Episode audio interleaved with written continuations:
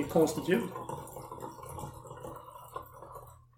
Låter som från en toalett och inte från en vinflaska. Får stå för dig. Jag tror vi kanske kommer behöva mer vin än det där. Tyvärr. Det är måndag. Ja, Jag ska upp tidigt imorgon. det Mitt konunganamn skall vara Karl den sextonde Gustav. We shall never surrender. allen Zeiten nicht die Mehrheit! Kom inte med en sån jävla provocerande och aggressiv ton mot mig. Där har våldet triumferat. Ask not what your country can do for you. Ask what you can do for your country. Ska vi verkligen öppna en till flaska? Ja, vad fan har du att välja mellan? Skål ta mig fan! I have a dream. Ah, I see you look at your leader. And I too look to you, Paul Bauma. It's one small step for man, one giant leap for mankind. Sådär, ja men då är vi tillbaka för avsnitt 42 utav Salongsbrusad historia om jag har räknat rätt. Och det har du, för det är en helt ny dag.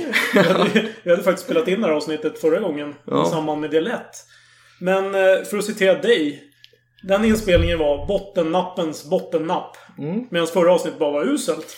Så vi får hoppas på bättre Ja, jo, bilder. än- precis. Ja, nej men vi, vi missade ju målet totalt i förra inspelningen. Vi pratade om allting vi inte skulle prata om. Ja, vad tycker du gick fel?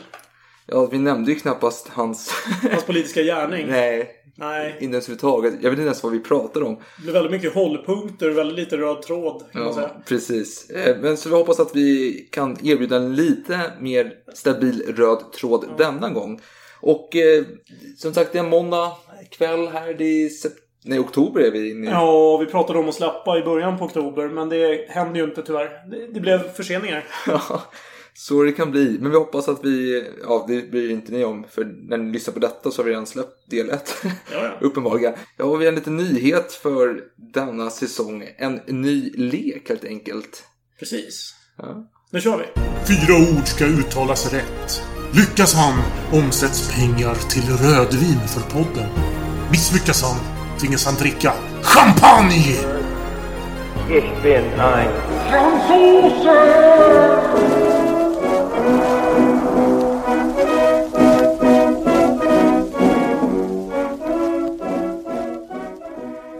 Jag ska försöka uttala fyra svåruttalade franska ord. Och du vill ge mig lite morot här för att bli bättre på min franska. Och en liten piska så jag eh, blir bättre på min franska helt enkelt. Jag kan uttala fyra ord. Jag kan antingen misslyckas, göra det okej eller göra det med väl gott betyg. Ja, Ja, det jag- finns ju en, en stor risk att vi inte är ense om vad som är bra och dåligt och sådär. Det får vi lösa då, tänker Ja, jag. precis. Men i alla fall, jag får 0 poäng vid dåligt uttal.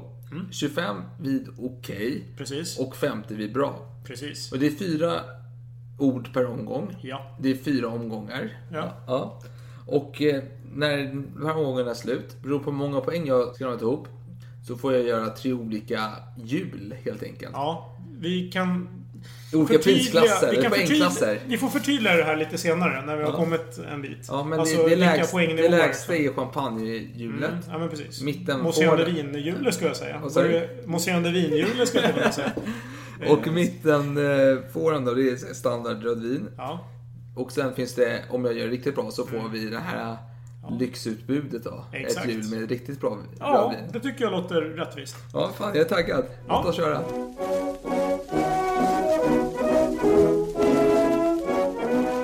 Okej, så det jag har framför mig är M-O-N-S-E-I-G-N-E-U-R. Korrekt. Monsignor. Nej, vänta, jag tar bort tillbaka detta.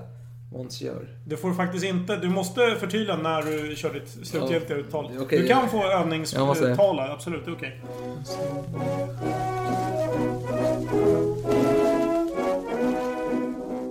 Monsignor.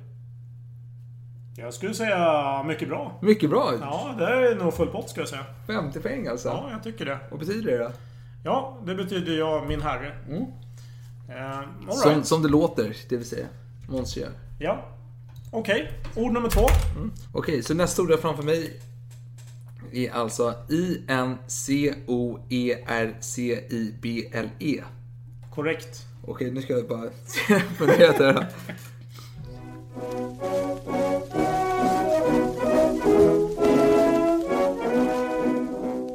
Incorsible.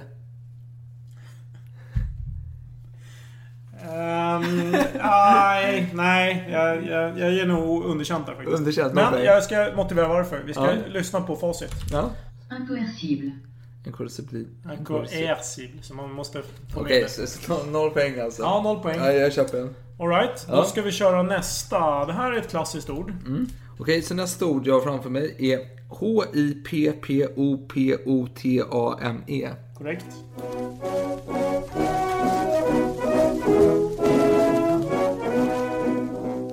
Hippopotame. Ja, det är godkänd. Jag ska inte säga bra, men godkänt. Godkänt. Vi ska lyssna på Ja, facit. ja. Hippopotame. Så man uttalar inte det amme. Amme, amme. Okej, okej. Men så det var förlorar- godkänt. Jag tycker det var Godkänt. tillräckligt bra. Så det är, det är 25 poäng till då. Ja, så 75% till så. Ja. Alright, nu ska vi få en och... Är det sista ut där då? Ja, det är sista. Okej, så nästa ord jag har framför mig är det enkla ordet E S-E-R-R-U-R-E-R-I-E. Korrekt. Och jag som är underbar. Jag är fantastiskt bra på att uttala ord med mycket R i. Ja, Okej. Know. Serrurier.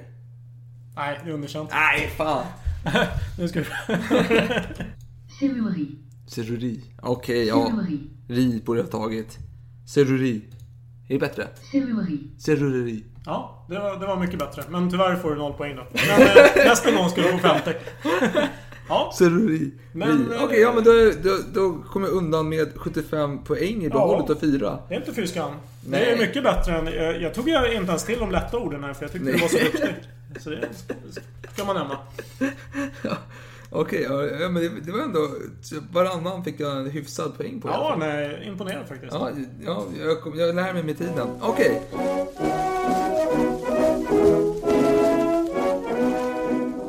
Vi slutade vid stora doldansen 1743.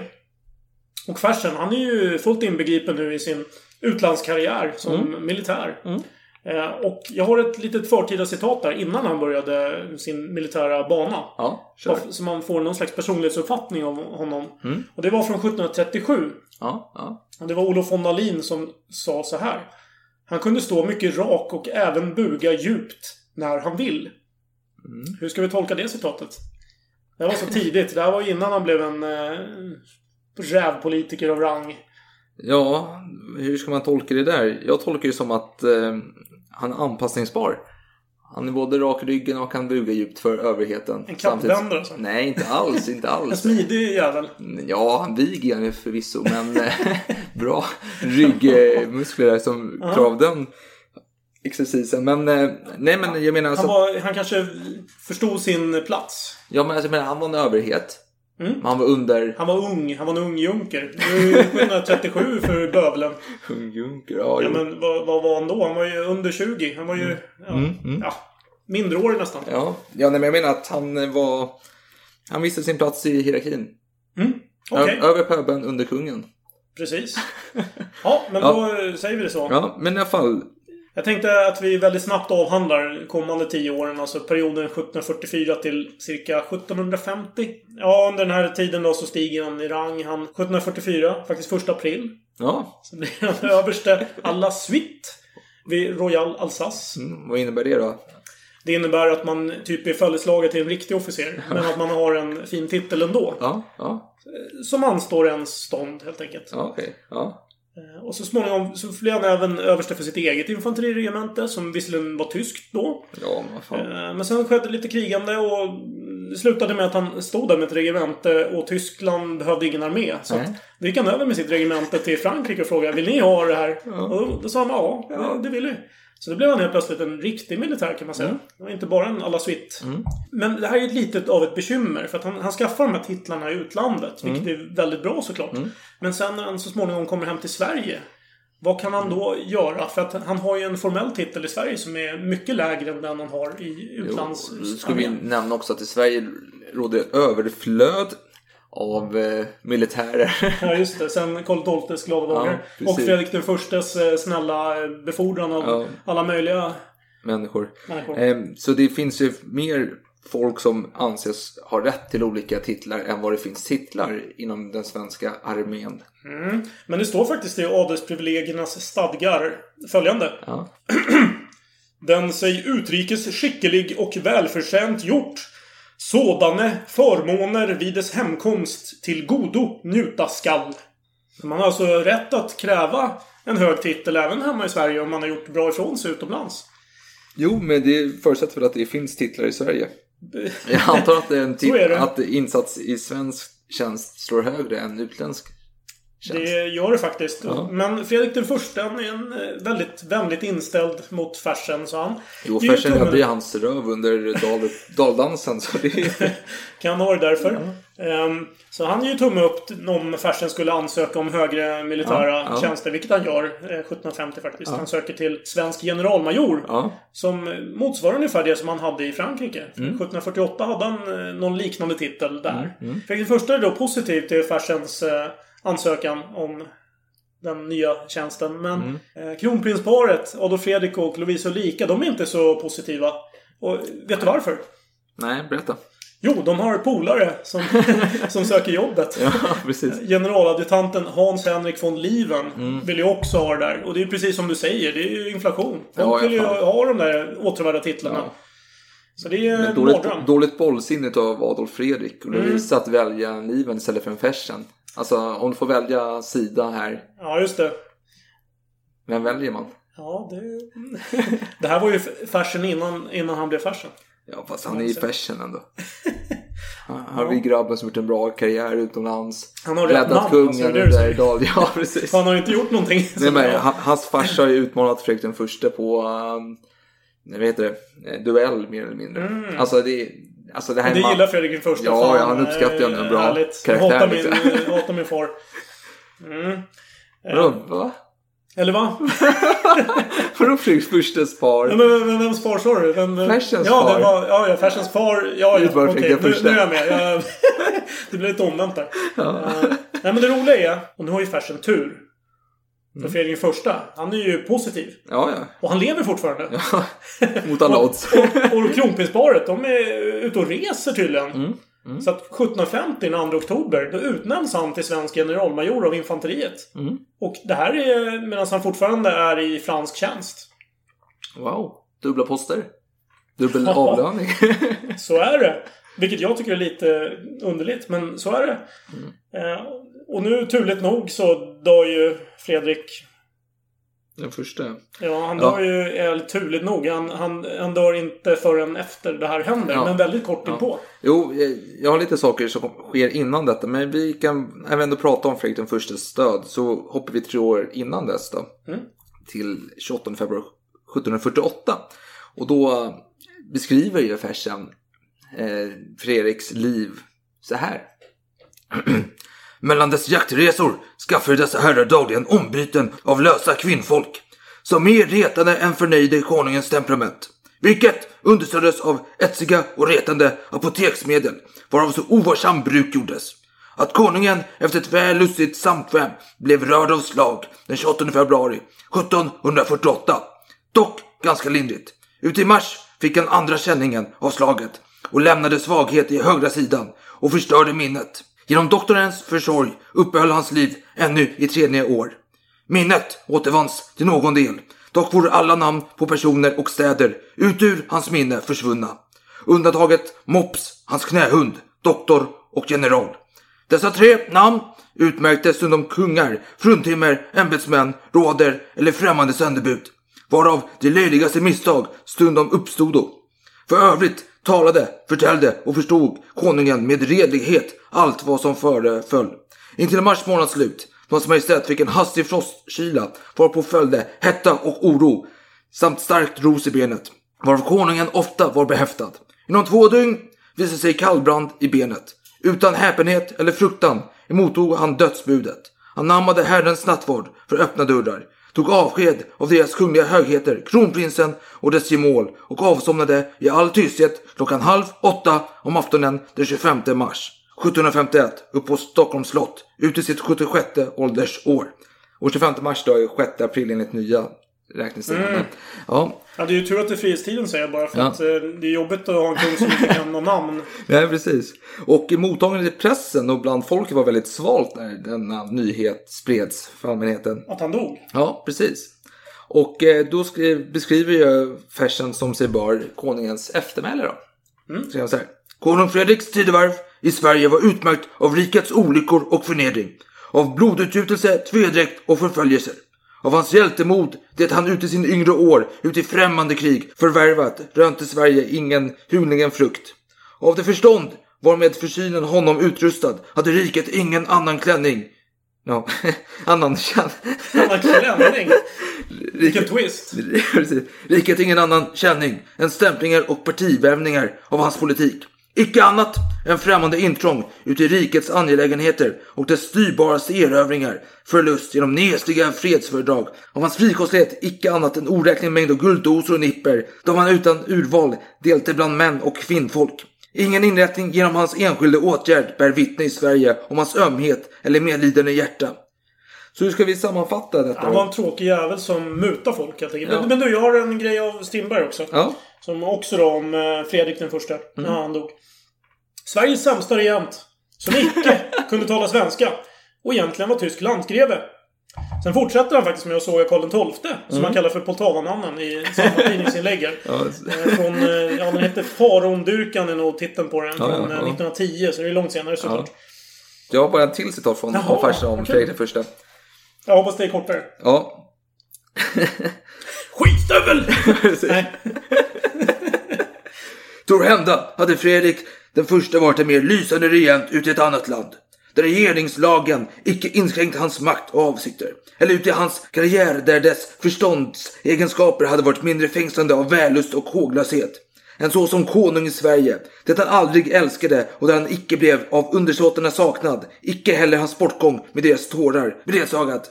Men det är ju svårt att gå från Karl XII till Fredrik. Alltså, det är ju... Det är jävligt Det, nedköp det, alltså. det, inte, det är inte många som fäller tårar liksom. Nej, men det är som att du sitter och dricker ett bra Bernadotte-vin så drar, knäcker du en Sofiero efteråt. Det är ungefär den nivån lite, här. så, lite så faktiskt. Eh, nej men eh, om vi går tillbaka till huvudfåran här, vilket är uh, Fersens liv. Mm. För det var ju inte Fredrik här som vi var intresserade av, utan det är ju Fersen.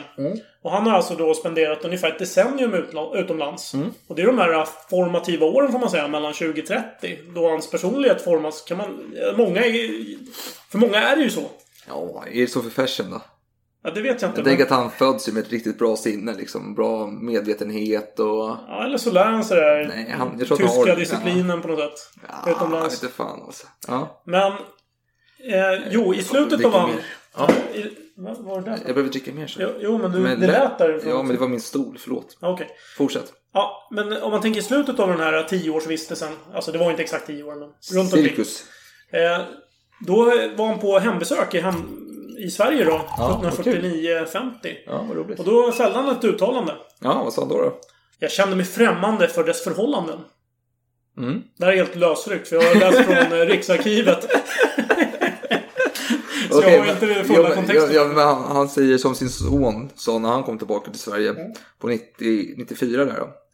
Ja, det Ja. känns som en repris det här. Ja, precis. Han känner inte igen sig riktigt. Men jag vill gå tillbaka ännu längre i tiden. Vi går tillbaka till den 24 januari 46. För vad hände då? Jo, det är en liten prins som föds. Lovisa Ulrika och Fredrik har äntligen gjort något vettigt tillsammans. Och de har fått ett barn tillsammans. Han får namnet Gustav och det blir stor fest. Som sig bör. Och inte bara hovet är glada, även folket är glada, hattpartiet är glada. Och inte mössorna kanske, de är lite missnöjda. Jag tänkte prata lite om Gustav III nu här. En liten utläggning Fersen har om Gustav III rättare sagt.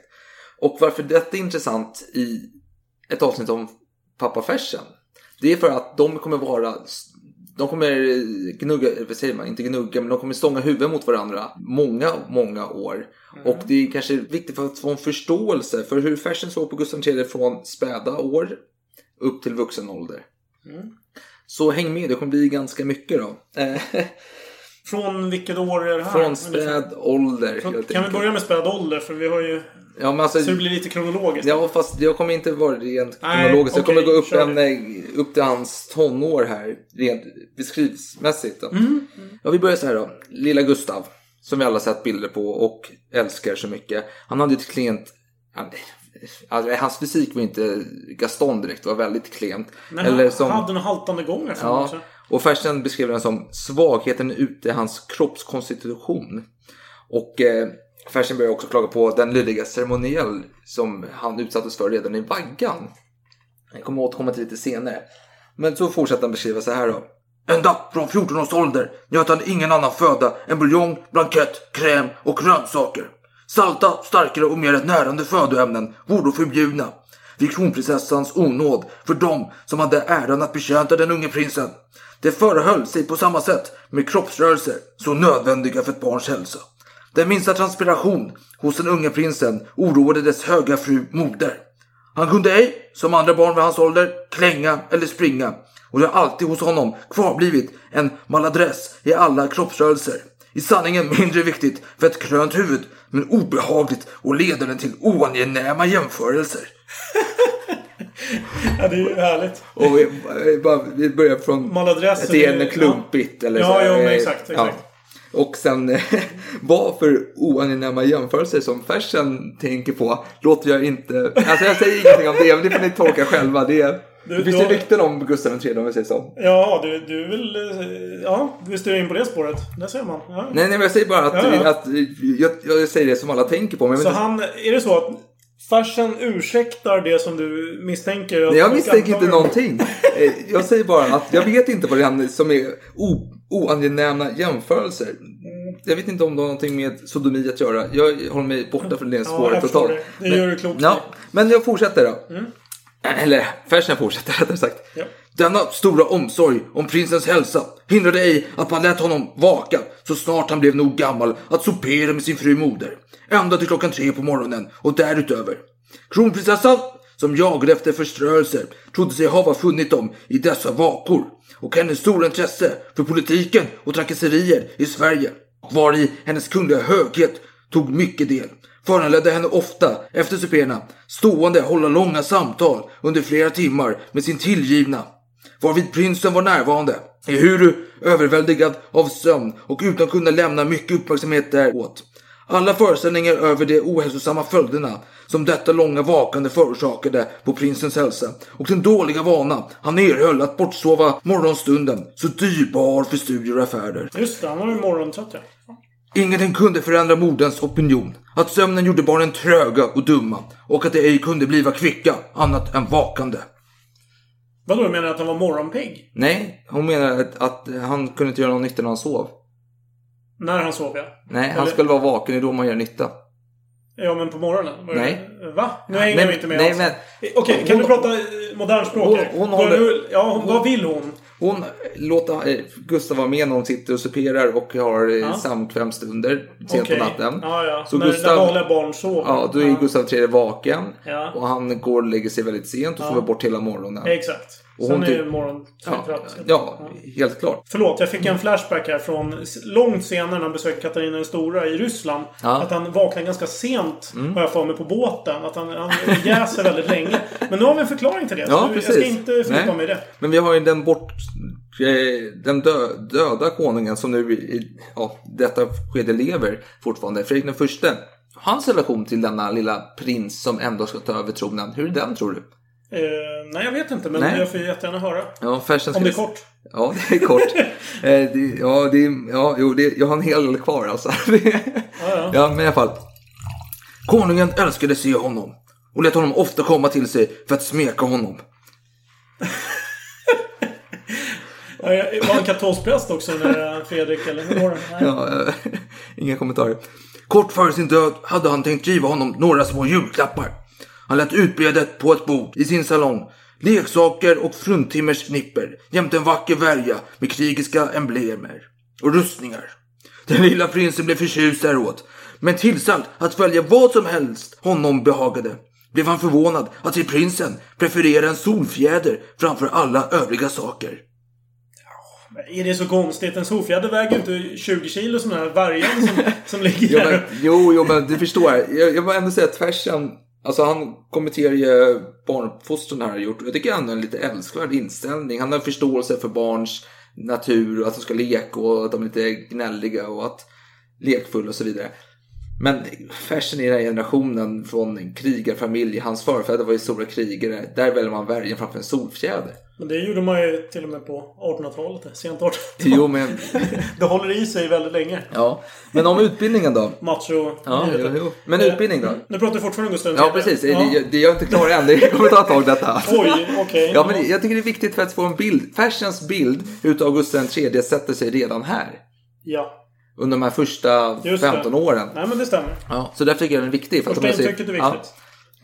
Ja, Första många intryck. Ja. Under 14 års tid här. Ja, okej. Om utbildning. Drottningen, hans moder, reglerade dessa studier och hon bannlyste därifrån all filosofi, logik, moral och främmande språk med undantag av franska språket och riktade hela sin uppmärksamhet på historien och lite geometri. Det blev aldrig tillåtet lära prinsen något utan till. Han läste och studerade aldrig en bok. Men hans lärare läste högt medan prinsen ritade, lekte och bläddrade i gravyrsamlingar. Men det var ju Karl XII också. Han eh, läste inte heller. Han hade ju någon som läste högt. Ja, ja. I alla fall franska. Eller hur? Bender Ja, ja, jo, ja. det är lite romantiskt. Jag tycker det är lite gulligt där. Eh, Just det att någon, här sitter Tessino som är hans förmyndare, eller lärare och sitter och läser högt. Och sitter Gustav där med lite sköna färgpennor och färglägger någon sån här Dino Riders teckning och sådär. Det, är- det, är- alltså jag får ändå, det blir så mänskligt på något sätt. Alltså det är lätt att i historien att det känns som att det här är så obskyrt Mm. plockat bort. Men det blir väldigt Ja, man känner igen sig lite Ja. bättre. och jag är inte klar än. Nej. Okej, mm, vidare då. Om hans utbildning och hur Gustav är som person, alltså hans lynne. Som ung person. Ja, precis. Om försynen ej givit denna prins ett utomordentligt minne skulle han hava blivit den mest okunnige monark för sin tid. Men han ihågkom allt vad han hörde sägas eller läsas, åtminstone de saker som roade honom. Historien behagar alla och synnerligen barn. Hon är i inbildningen, men den som endast känner historien vet ganska väl vad människor uträttat i världen utan att veta vad de borde hava gjort.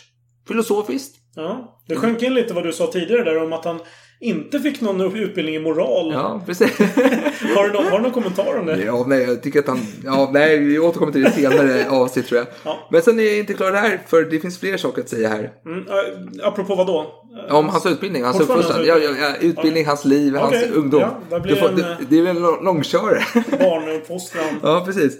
Och nu kommer vi till hans efter, eftersatta kroppsrörelser då. Just det. Ja. Han har inte gått eh, idrott och hälsa. Nej, inte, ba, inte Bamsegympa. Så här var det. Man gav prinsen dåliga lärare för kroppsövningar. Herr Vatrang, konungens första stallmästare, som aldrig kunnat styra en häst, skulle undervisa prinsen i ridkonst och så vidare med de övriga exercitiemästarna.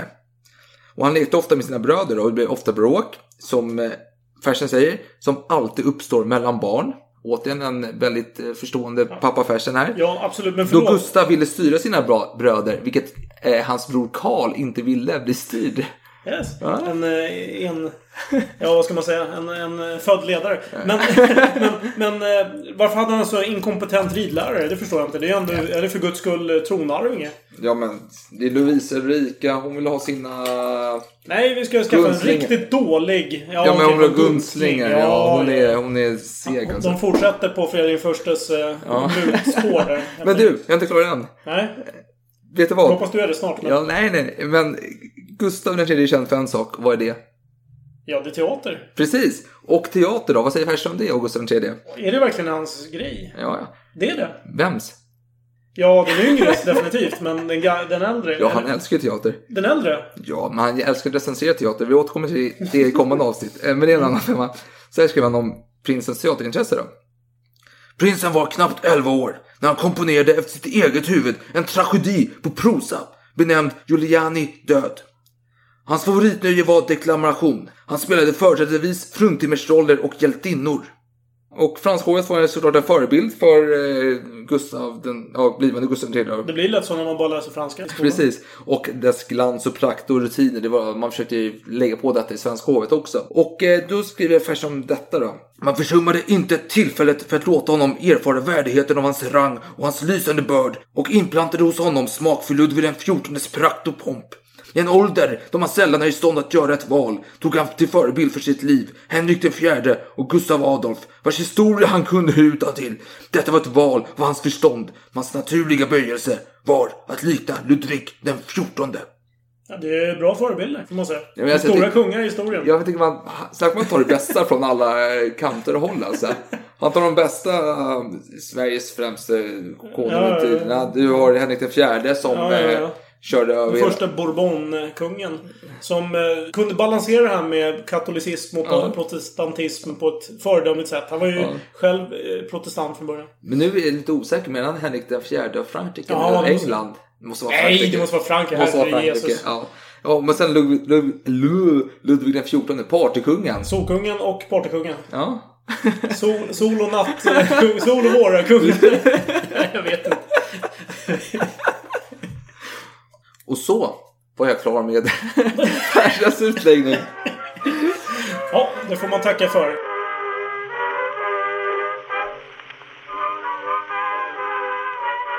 Ja, Eh, var var vi någonstans nu i Fashions liv? Ja, vi, Fashions liv.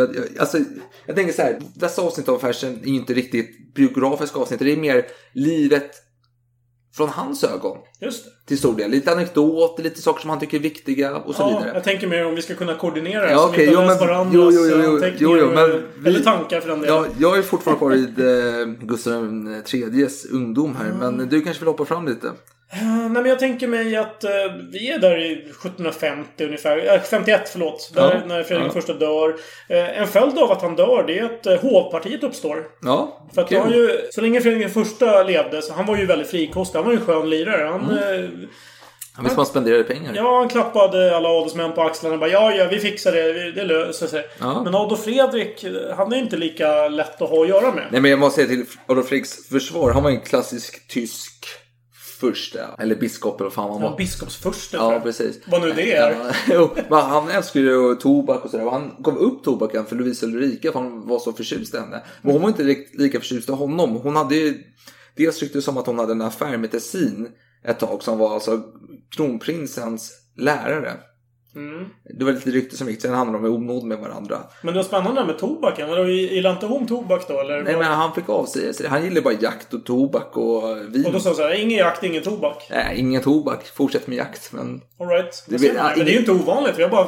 jag man vill bara ha tänker- bröd på bordet eller man vill ha... Men sprang han runt med en cigarr liksom på slottet och eller bolmade? säkert, ja, men eller säkert tuggtobak, så här äcklig Ja, dregel. ja, men så jag här- skulle bli väldigt förtjust om man använde riktig cigarr. Ja, Alltså, nej, det- det, det- det gjorde han nog inte. Men det, vad fan, det låg i tiden använda Det låg i tiden, det gjorde det. Jag vill Ja, det där måste kollas upp. Men Ja, fan, jag tror inte Alexander den det. sjätte, påven rökte ju cigarr för guds skull. Han var ju fan långt innan. Fan vilken syn. Alltså, en påve som springer runt med en cigarr. Eller springer. Nej, han, går, han, han skrider. Skrider runt med cigarren. Sitter i bergstolen tänkte jag, men jag blir buren överallt. Och... Oh, trevligt. Mm. Eh, nej, men vad var det jag skulle säga nu? Nej, men som sagt det här med relationerna mellan Hattpartiet och eh, Mm. regerande monarken. Det försämras nu då helt plötsligt eftersom Fredrik dör. Och eh, som en följd av detta så har det ju vissa hattpartister som ändå vill ge kungamakten mer makt. I och Ja. med att man har tagit, man har tagit bort en del makt. Och det, det finns lite fraktioner helt enkelt. Ja. Tidigare har det löst sig, men Lite tråkig stämning nu i riket. det är tråkig stämning. Så att när vi pratar om hattparti, mössorna och H-parti och allt vad det är. Alltså det är ju inga formella sammanslagningar på det sättet. Utan det är ju Nej. mer grabbgäng. Ja. Kan man säga. Eh, så nu blir det ett nytt grabbgäng och det är H-partiet. Helt enkelt. Ja, det- Så är det. Men har de så här som vet Muffy kände för sina alkoholfester? Hade no... Muff, ja. Ja, ja, ja. Fanns det någon motsvarighet här? Var H-partiet de riktigt jävla berusade? Får se. Ja, men de... Då Fredrik. Jag tänker mössorna var ju ganska tråkiga. Ja, precis. Hattarna är lite konservativa. Ja, men de vill inte ge kungen riktigt allt som Nej. kungen vill ha. Nej. Hur ska man... Är H-partiet det? som är de här party... H-partier är det som de som tar fram Domän Romani Conte och säger att nu ska vi spendera hela statskassan på det här. Ja, precis. Medan Hattpartiet bara, nej men vi kan nöja oss med lite fina eh, Chiantis och sådär. Ja, det, kanske en Pomerol gott. ibland. Ja, en Så. Pomerol ibland funkar. Men Ja. ingen, ingen, ingen eh, Petrus. Ingen Petrus där. Men all, alla andra går bra. Ja, nu går vi in på vinsnack här. ja, Förlåt, vi nej, nej, nej, nej, men eh, det jag ville nämna. För du nämnde just det här om att eh, vissa utav framförallt hattpartister ville skapa Hovpartiet här. Eh, och eh, jag nämnde inte det angående Gustav IIIs uppväxt. Men eh, Fersen nämner att han har en stor, det är franska prakten Ja, längs med ceremoniella- Precis, från Ja. vaggan framåt. Och eh, Fersen tycker det är väldigt olyckligt. För Sverige, som är kända för sina, utomlands i Sverige, känd för sin simpla... Ja, från Karl XIIs tid. Ja, ja men även innan att man hade inga storslagna ceremonier, ceremoniella saker. Utan man var kända Stram, för hårt och jävligt. enkelhet Kristeligt. för... Eh, Protestantiskt. Lutherskt. ja, nej. Jo, lutherskt. ja, absolut. Men man, man, var känd, man var känd för sin, sitt hjältemod. Och svenska folket, så, säger Fersen också, de är alltid väldigt kungatrogna. De är väldigt dumma och eh, eftersatta rent mentalt. Men de är väldigt kungatrogna och de är väldigt kända för sin krigarinsats, sin hjältemod. Och detta rimmar väldigt illa med det här Ludvig XIV när man bara har lite symbollire som går runt med sköna peruker och lite pudrade näsor liksom. Och, Ja, själva ku- kungen var ju då inte så krigisk av sig. Men han hade ju i och för sig befälhavare som var väldigt duktiga. Men jo, jo, det är en annan sak. Det, är en annan femma. Ja. Det är, den, I Sverige så måste monarken personifiera det krigiska folket. Ja. På ett annat sätt. Ja, fast det vill man inte ha just nu heller efter Karl XIIs... Eh, Står ju Fredrik den eh, lökige emellan där. ja, jävla värdelös Ja, men fortsätt. Ja, fortsätt, nu fortsätter. fortsätt, fortsätt. Nu tänker jag äntligen efter väldigt lång tid. Jag tänker inte spela exakt hur många minuter som vi kommer klippa det här kraftigt. Men eh, efter väldigt lång tid kommer vi in på hans eh, politiska bana, Mm. tänker jag. Vad roligt, kör på. Och jag skulle vilja påstå att den börjar egentligen med den första riksdagen där, 1751-52. Ja, spännande, spännande tid. Ja, och nu är han eh, som sagt en ung junker. Han kommer tillbaka från utlandstjänst. Genom sina föräldrar så har han en naturlig hög position inom hattpartiet. Och under den här perioden då. eh, Jag tänker inte säga någonting direkt om riksdagen, just den. Utan det är hans debut egentligen. Att Ja. han är bara där som... Och börjar lära sig helt enkelt Ja, politiken. se och lär. Exakt. Men till nästa riksdag, då börjar han ju förbereda sig lite grann. Och det är inte genom att förbereda sig politiskt, utan det är ju snarare att gifta sig rätt. Det måste man göra. Ja, han gifte sig med en av Hattpartiets grundares dotter. Bra Kajerstad. Eh, det vill säga grevinnan Hedvig Katarina de la Gardie. Ja. Och eh, lite kuriosa här är att Hedvigs äldre syster Eva, det vill säga hans svägerska, uppfann brännvinet Precis. med potatis som bas. Precis. Korrekt. Ja, och förutom att ha en Men hon är bränd känd under ett annat namn. som po- potatisbrännaren. Nej. Nej. Hon gifte ju sig för guds skull. Ja, ja, ja. Men jag tänkte om du hade något kul smeknamn. Nej, inte. Inget smeknamn. Nej. Men förutom att han brännvinssvägerska så hans svärfar Magnus Julius de la Gardie var en av grundarna till Hattpartiet. Ja. Bara det. Bara så det en sån sjukt. sak, jag menar, det, det- det blir naturligt så att alla har ju höga förväntningar på den här unge junkern. Mm. Eh, Men nu, just nu är det se och lär. Eh, Och eh, förutom giftermålet, han förbereder sig på andra sätt. Han ser ju till att skaffa sig en ståndsmässig leverne. Det är ju Ja. som gamla... Nej men under renässansen där var det viktigt att bygga fina palats och så. Ja, ja, för att man, man bjöd in sina gäster och visade upp sin prakt och på så sätt så vann man hög status. Mm. Och på likadant sätt gjorde Fersen här genom att rusta upp de här gamla arvs eh, bostäderna, det här Fersenska huset som det hette då. Ja. Eh, Blasieholmen. Eh, precis. Och 53 då blev det omdöpt efter omfattande renovation Mm. till Fersenska palatset.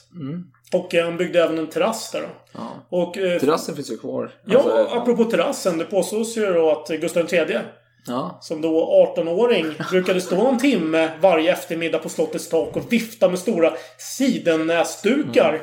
till fru Fersen som då var runt 30 år. När hon var på sin terrass. Och då hade hon besvärat pliktskyldigt vinkat tillbaka. ja, det måste man göra. Ja men... Eh, vad, vad tänker du här om, om Gustav III som vinkar till en annans fru? Nej, men jag tänker att han vill ha en väg in till eh, brännvinsmakerskan Ekeblad. Eva Ekblad, det var hennes namn då som gift. Alright. Så han stod en timme, det är väldigt lång tid, stod en timme på taket och vifta. Ja, men man vill Och han, den här mannen som inte, ut, eller pojken eller vad man nu ska säga, som inte, som hoppade över alla de här gympapassen. Och, och viftade. Alltså jag skulle inte stå en timme, jag skulle inte orka.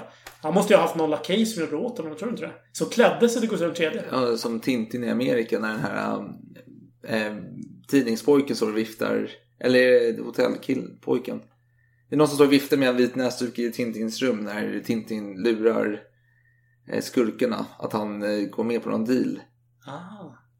Kan vara så. Kan Kan vara så. vara så lång, lång... För jag tycker det här låter väldigt märkligt. När, när, Nej men vadå, men vad fan. Gustav. III- Gustav III, han uppvaktade också en fru Ribbing en, ett tag också. Ja, men en timme, det låter inte så Gustav III. Han blir lätt uttråkad. Ska Ja. han stå en timme och hålla på och vifta? Ja men fan han är väl ut... Ja, men han har ingenting att göra. Vad fan, hur mycket det finns att göra på Fan Stockholm? vad tråkigt liv alltså. Ja, ja. Men det blev en väldigt lång utläggning om det. Mm. Ehm, Lite kul för när vi hoppar fram lite i tiden, vi hoppar tillbaka Ja, strax ja, efteråt. gör det. Hoppa Eh, ut och- men bara, med tanke på att vi pratade om att han viftade med sin näsduk. Mm. Han förlovade sig med en dansk flicka sen, Sofia Magdalena. Och eh, de fullföljer inte sitt äktenskap direkt och då blir han lite hånad utav eh, hovkretsen kring detta. Liksom, så här. Man sitter och super lite och har alla i stan, enligt fashion då, det vill säga adelsmän, pojkar var inbjudna till de här festerna, satt och drack och hovdamer och så vidare. En kväll gick inte utan att ett glas krossades, sa farsen. Men i alla fall, där satt man och snackade skit som man, gjorde, som man gör kanske när man är i den åldern. Och eh, då fick han lite hån för att han inte hade fullföljt sitt äktenskap. Och han, han körde en Karl XII. Ni kommer ihåg Karl jag, det var XII? precis det jag skulle säga. När han sprang runt huset där och, på och, Ja, men han, Karl XII menade att han kunde ta flera stycken på en kväll. Liksom. Ja, 50 stycken Ja. och alla bara tittar storögt på honom. Vad fan snackar de om? Precis. Och Gustav III körde sin variant på detta då. Det var inte 50 men Nej, ja, nej, ja. någonting sånt. Det var sent var det. ja, ja. Och eh, Gustav III sa då att han hade minsann gjort det med en kvinna nu som var gravid. Som väntade hans barn. Sånt man drar liksom bara random. Och den här kvinnan var ju faktiskt gravid. men, alla visste att han inte var far till barnet, liksom att det var skitsnack. Så alla kunde ju syna honom. Fast hur då? så var hans sexuella läggning. Om det så.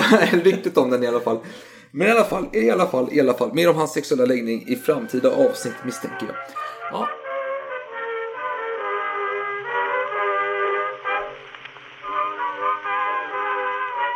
Då tänkte jag att den här perioden är över. Alltså perioden 51 till, ja, 55 Ja, ungefär. jag, jag, ja, ja, inte riktigt. Nej. Jag vill prata om hans utbildning lite. Okej, gör det.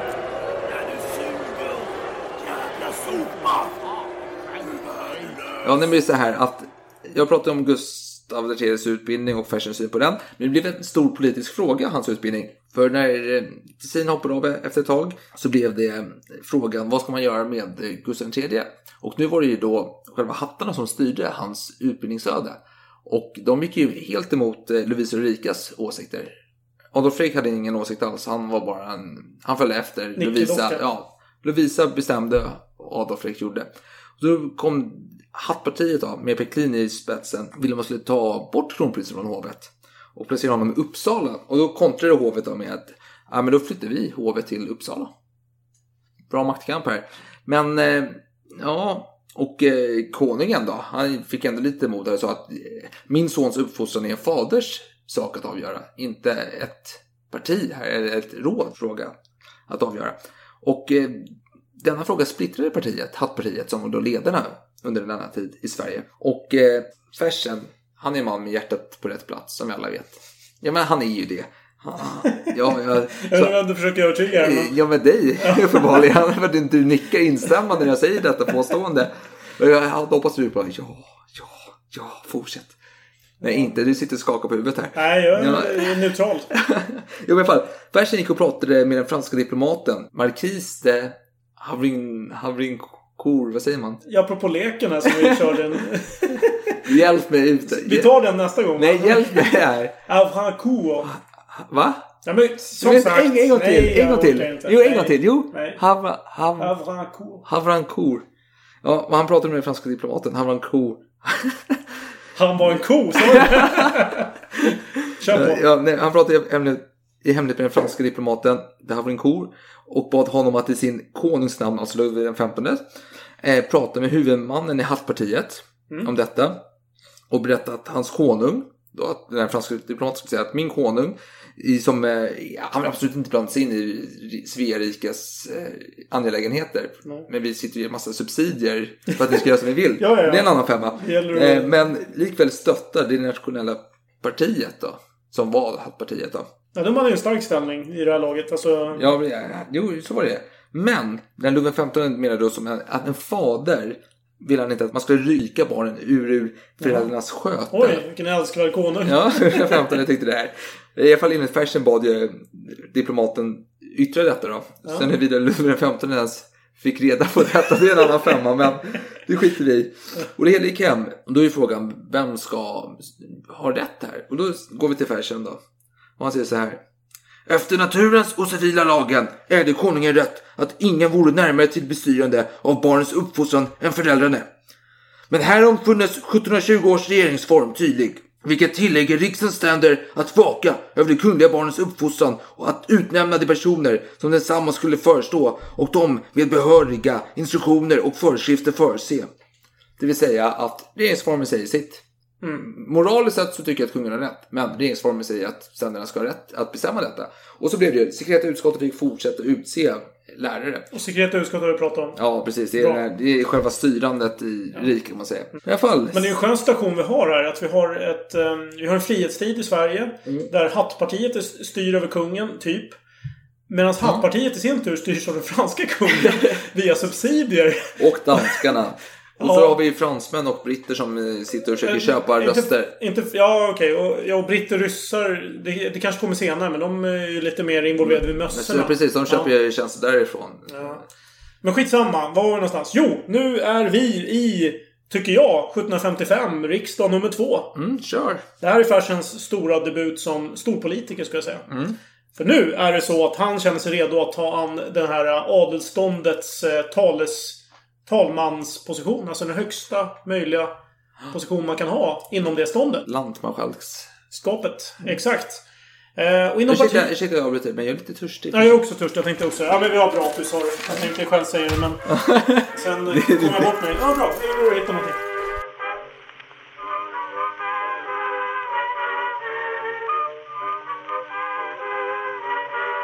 Okej, vad dricker vi för någonting? Vi har fyllt på vinet. Vi har druckit en, en Chateau Samson. Samson. Samson, ja. Det handlar En om Pomerol. karaktären. Pomerol, fantastiskt. Trevligt. Bra vin. Så, men nu kör vi lite spanskt här bara för att Mm. bryta mönster. En av mina personliga favoriter från Rioja. Vinja Ardanza. Mm. 2009. Trevligt. Det är inte fysiska med måndag... Nej, det är denna lyxmåndag.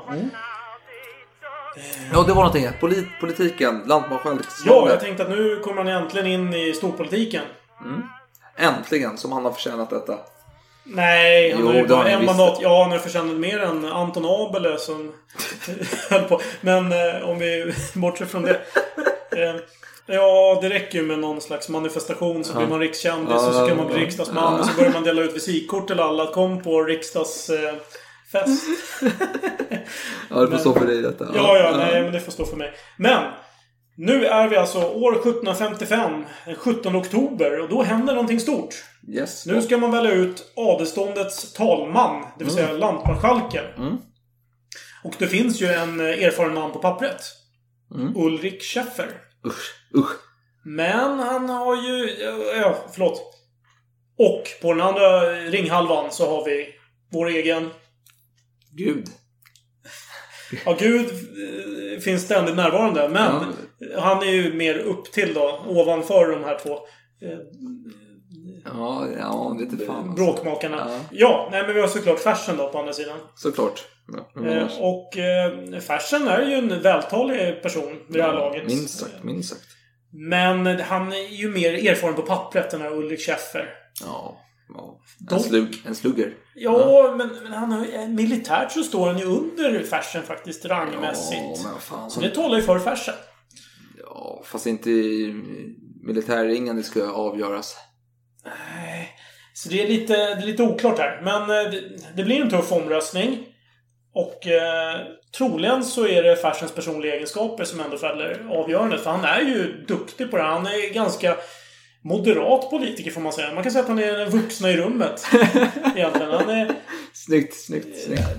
det är inte så mycket extrema åsikter. Vänta, vänta. Ja. Först har vi Anton Abel och sen har vi vuxna rummet. Jag känner moderat linje här. Ja. Genomsyrar. Vi har MUF tidigare i avsnittet. Jag, jag känner att han är, är vi lite... sponsrat av eh, Moderaterna jag tror? Han kan miss- vara det. Har jag, Han, har han, jag känns en, eh, han känns som en 1700-talsmoderat. Du tycker det? Lite grann. Ja, men alltså, vi kan tillägga att Fersen är en av de, skämt åsido förresten, Mm. ska vi tillägga att Fersen är en av de mest förmögna herrarna i riket. Han har dessutom spioner utplacerade lite överallt i det motståndarlägret. Ja, och pengarna minskar ju inte precis med hans giftermål. Nej. Snarare tvärtom. Nej, precis. Så det kan, jag säger inte att det är så, men jag säger att det kan finnas någon form av eh, informations... Subsidier som bytte hand. och informationsövertag här som gör att han lyckas. Så är det nog. För att faktum är att den här chefen, han var ju utomlands. eh, Och kom precis, när han väl kom hem då inför den omröstningen, då var det redan klart. I stort sett. Då hade folk redan eh, valt läger kan man säga. Orutinerat att åka utomlands precis innan där. Tror, jag tror han var stationerad Ja, men, utomlands. ja, men tänk dig det, en partiledare. Det är inte Löfven för att bryta moderatmönstret här. Tänk att han så här, inför riksdagsvalet drar iväg fyra veckor till Rhodos liksom. Och kommer, kommer tillbaka. Ja, precis. Kommer tillbaka dagen innan liksom. Ah, fan, jag förlorade. Skit också. Med, medan hans motståndare pratar om hur Löfven är på skumpartyn varje dag liksom. Och, nej. Ja, det låter sig lite Bernadotte ska sprida hemska rykten om sin motståndare.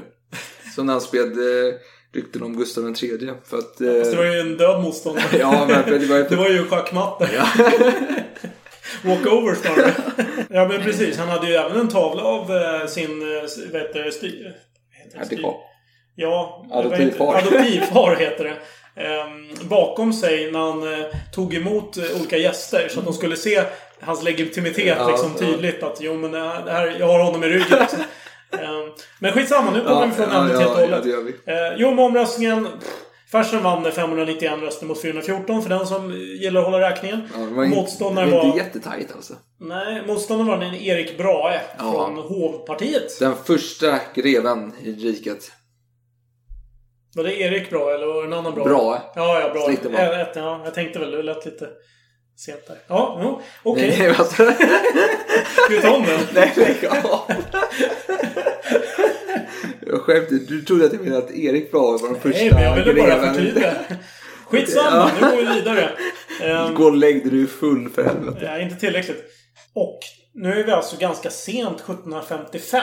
Mm. Det hinner ju inte hända så jättemycket till 1756 som är ett mer händelserikt Ja, år. där händer det saker och där är bra högst involverad i alla fall. Men det börjar med att, eh, ja, drottningen som är nu, Lovisa Ulrika, försöker förmå sin indolenta, flegmatiska man Adolf Fredrik att göra någonting för att få makten. Hon är ändå syster till Fredrik den store. Ja, ja, av hon har blodet. Makten i blodet. Nu sitter hon här som en jävla andra klassens medborgare och försöker och blir hunsad runt en massa jävla hattpartister.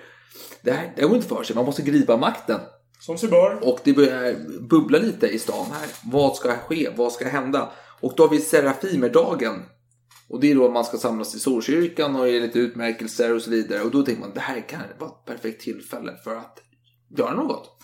Och eh, kungen i och för sig sjuk där så han är inte med i kyrkan. Men nåväl, under eftermiddagen börjar det brinna.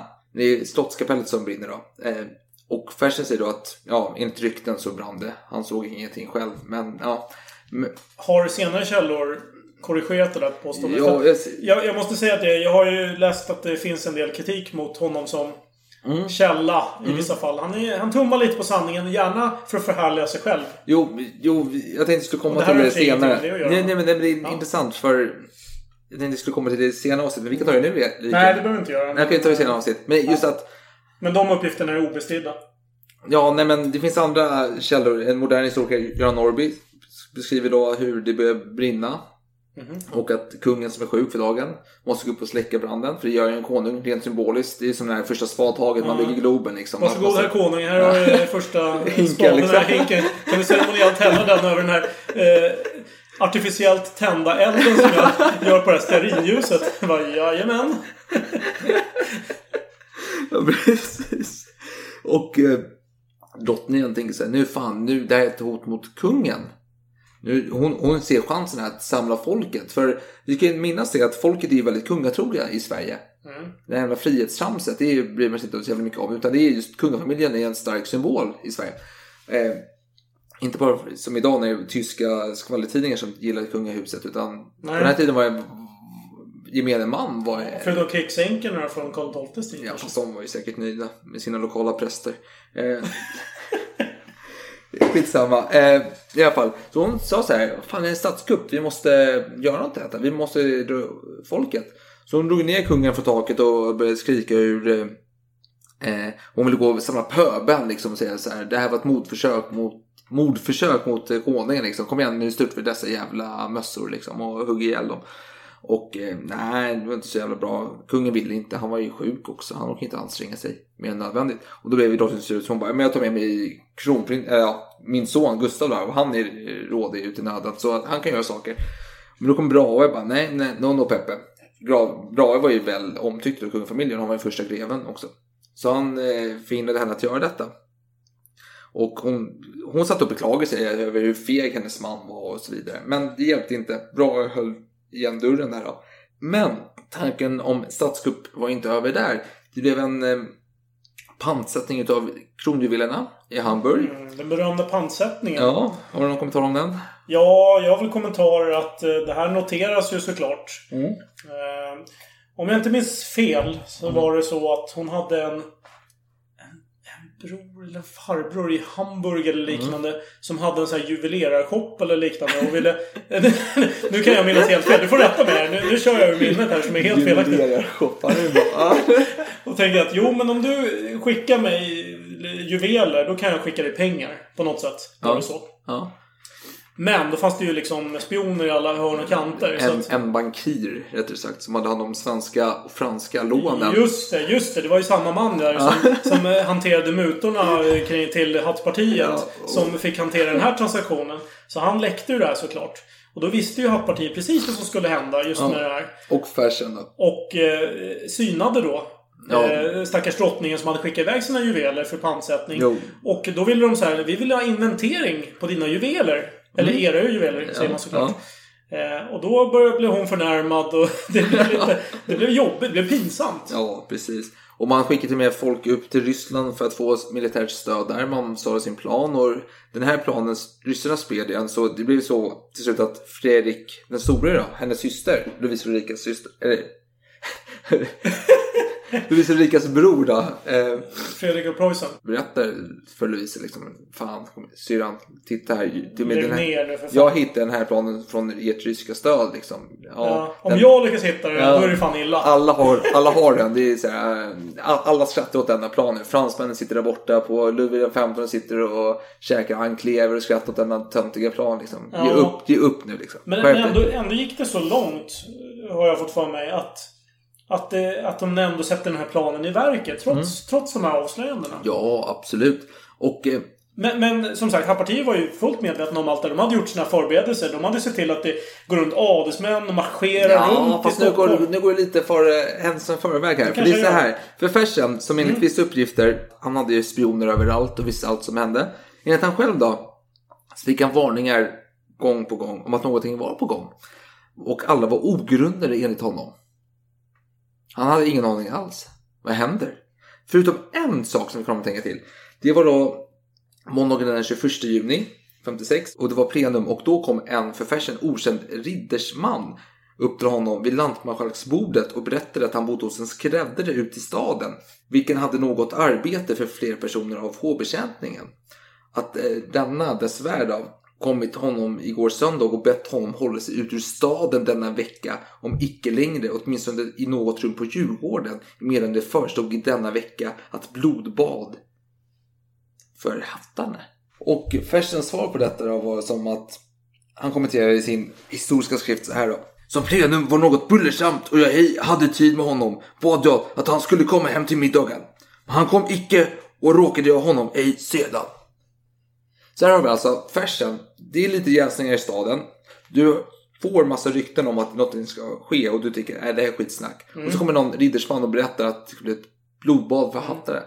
Och han bara, ja fast jag håller på att arbeta här. Kan du återkomma på kvällen? Så kommer den aldrig. Nej. Nej. Och- Då är det värt att kolla upp. Ja, Tycker jag. och samma kväll då, den 21. Ja. Då var det Opera Comique på eh, Kungliga Teatern, som var en trång teater. Oj. Och eh, för att råda bort... Uppträder kronprinsen tro? Nej, för att råda bot på trängseln hade man låtit... Nej, kronprinsen fick inte uppträda till sin teater. Mamman satte stopp för det. Så han satt i sitt rum och körde sina teaterföreställningar. och han tvingade sig vissa hovkänd-människor att vara med också. Jaha. Eh, Men ja, Vad synd Mm. om dem. Ja, verkligen. Eh, Men i alla fall. Man har låtit eh, bygga upp läktare vid kulissen. Och dessa platser hade alltid intagits av hovpartiet. Så man skulle titta på kungafamiljen. För de hade ögonkontakt då liksom. Mm. Och det var lite trevligt. Man vill ha någon god vän. Ja, man vill se en vän i ögonen Ja, och kunna vinka till och Precis. hurra. Och eh, Peklin och Höpken då, som var hattpartister, de ville jävlas med överheten. Då. Så de intog dessa platser vid kulissen innan hovpartiet hade hunnit ta sina platser.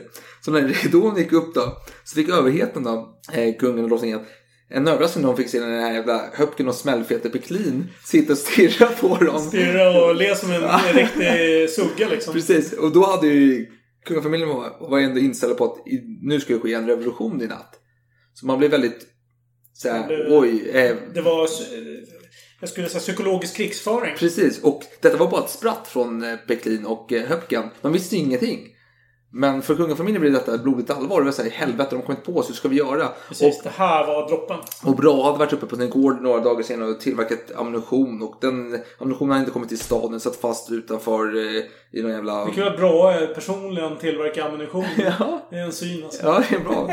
Jag tänker Arnold Schwarzenegger, det är samma karaktär där liksom. Oj! Sitter Commander liksom, bara, nu fan det hem. jämställa då. John Matrix med eh, Bra, här bra. Ja, det vill jag Det fan. var eh, intressant. Ja, John Matrix måste ändå vara den klockrenaste karaktären i, på vita duken någonsin alltså. Vilken jävla lirare. Ja. Men i alla fall, och det skapade oro hos hovet och eh, ja, det viskades väldigt mycket bland den kungliga logen den kvällen, ryktades det. Och eh, ja, man ville skjuta upp sin revolution en dag. Och då kom vi till, ja, alltså kungafamiljen drog sig ut till Ulriksdal för att inte vara närvarande när det skedde. Men då kom vi till natten mellan 21 och 22. 22. Okej, du har någonting med midnatt där, för jag har klockan ett. Ja, klockan ett och två på natten har jag också. an- anteckningar. Ja, ja, ja. ja men du kan, du kan köra. Vi, vi kör lekmansversionen här från mig och Ja. så får du fylla i detaljerna. Ja. Jo, mellan ett och två på natten den 22 väcktes Fersen av en gardeslöjtnant. Mm. Och han hade fått veta, eh, via något underbefäl, att någonting misstänkt var i görningen. Nu har jag ingen detalj, Ja, i. jo, att den här personen skulle vara redo och larmtrumman skulle eka över Johannes kyrka. Där ser man. Mm. Fersen rådde i nöden som sin framtida konung. Beordrade då chefen för artilleriregementet Augustin Ehrensvärd att samla stadens artilleri och spärra broarna vid Södermalm och Norrmalm.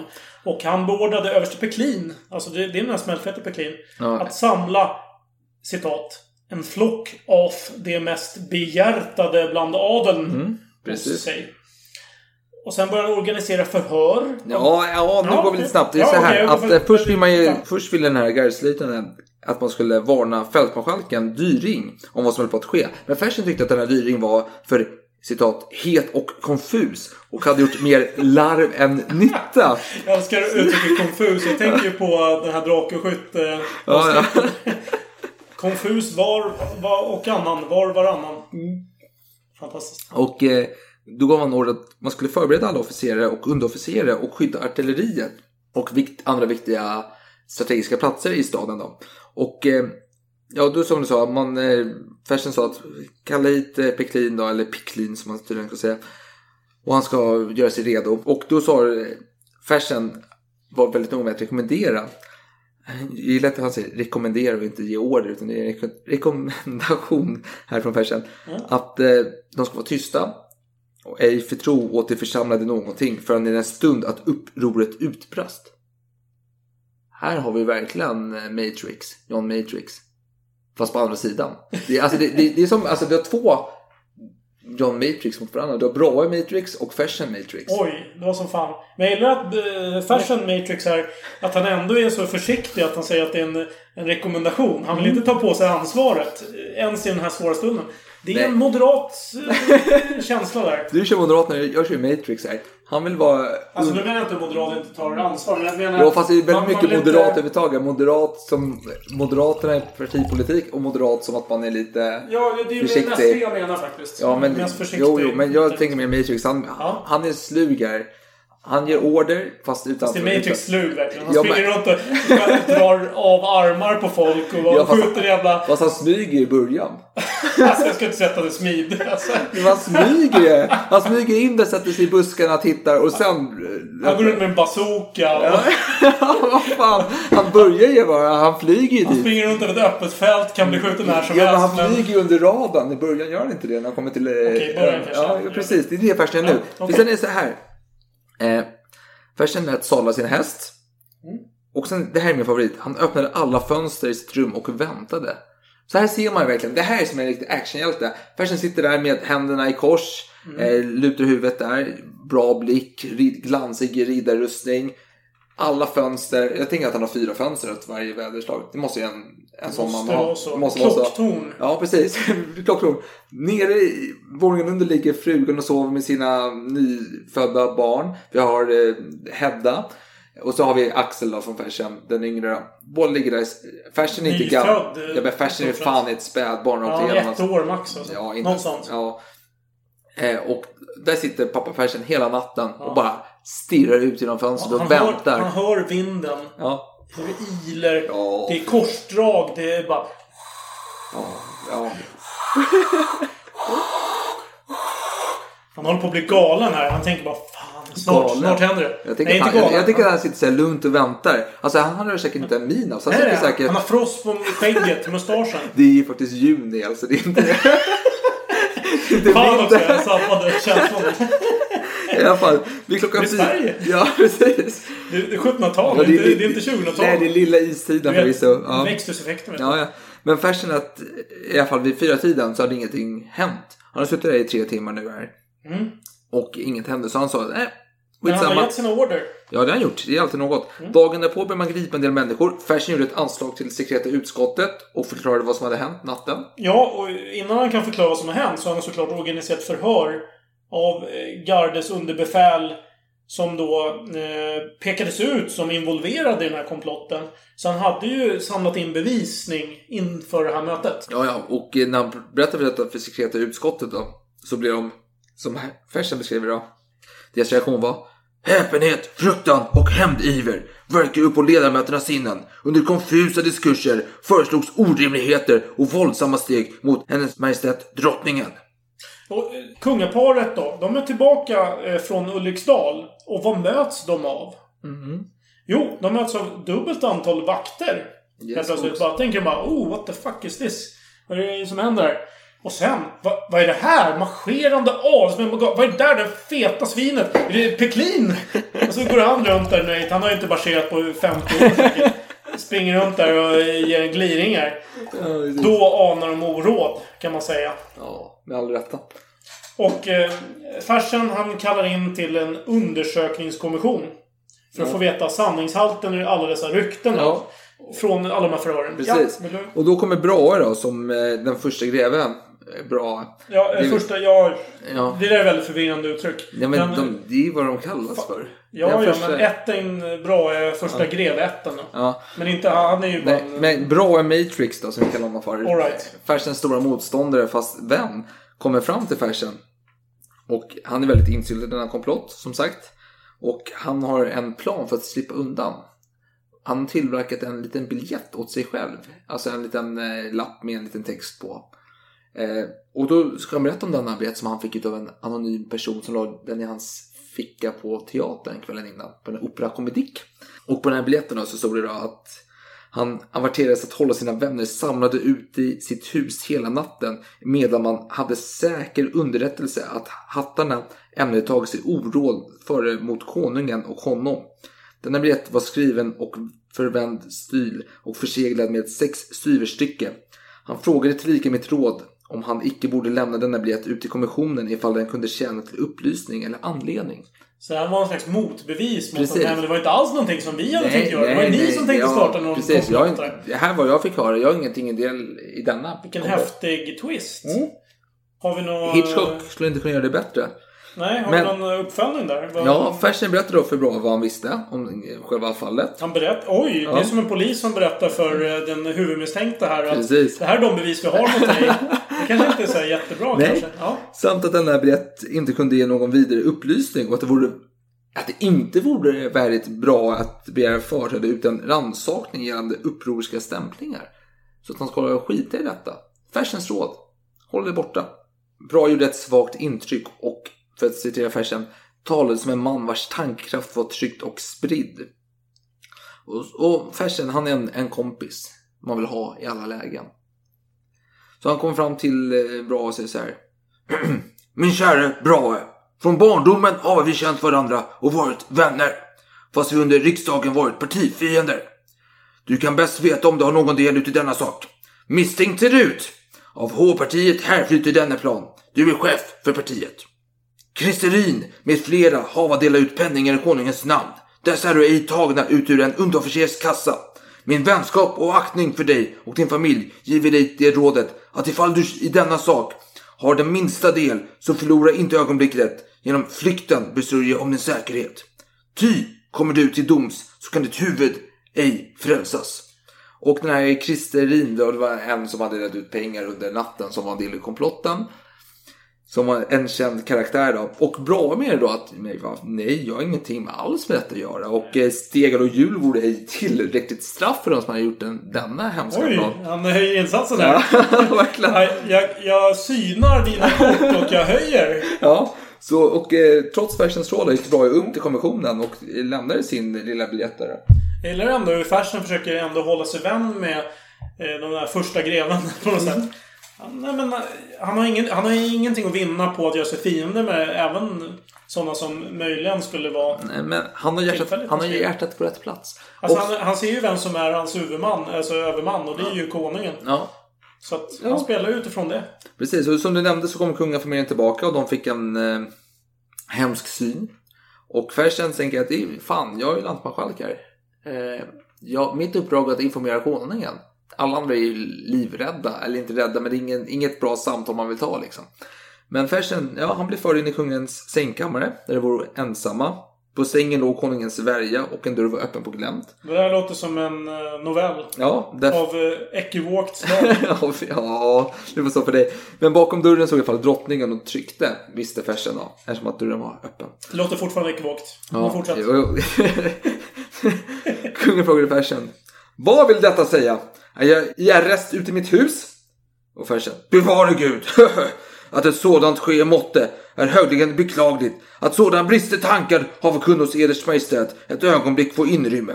Jag, hitkommen, för att göra Eders Majestät redo för anstalter riksens ständer trott sig bara låta gå ut i verkställighet under Eders Majestäts frånvaro på Ulriksdal. Till deras egen säkerhet. Emedan de trott att omständigheterna så påskyndade att ej kunde avlida Eders konungsmajestäts återkomst, den de vore okunnig om.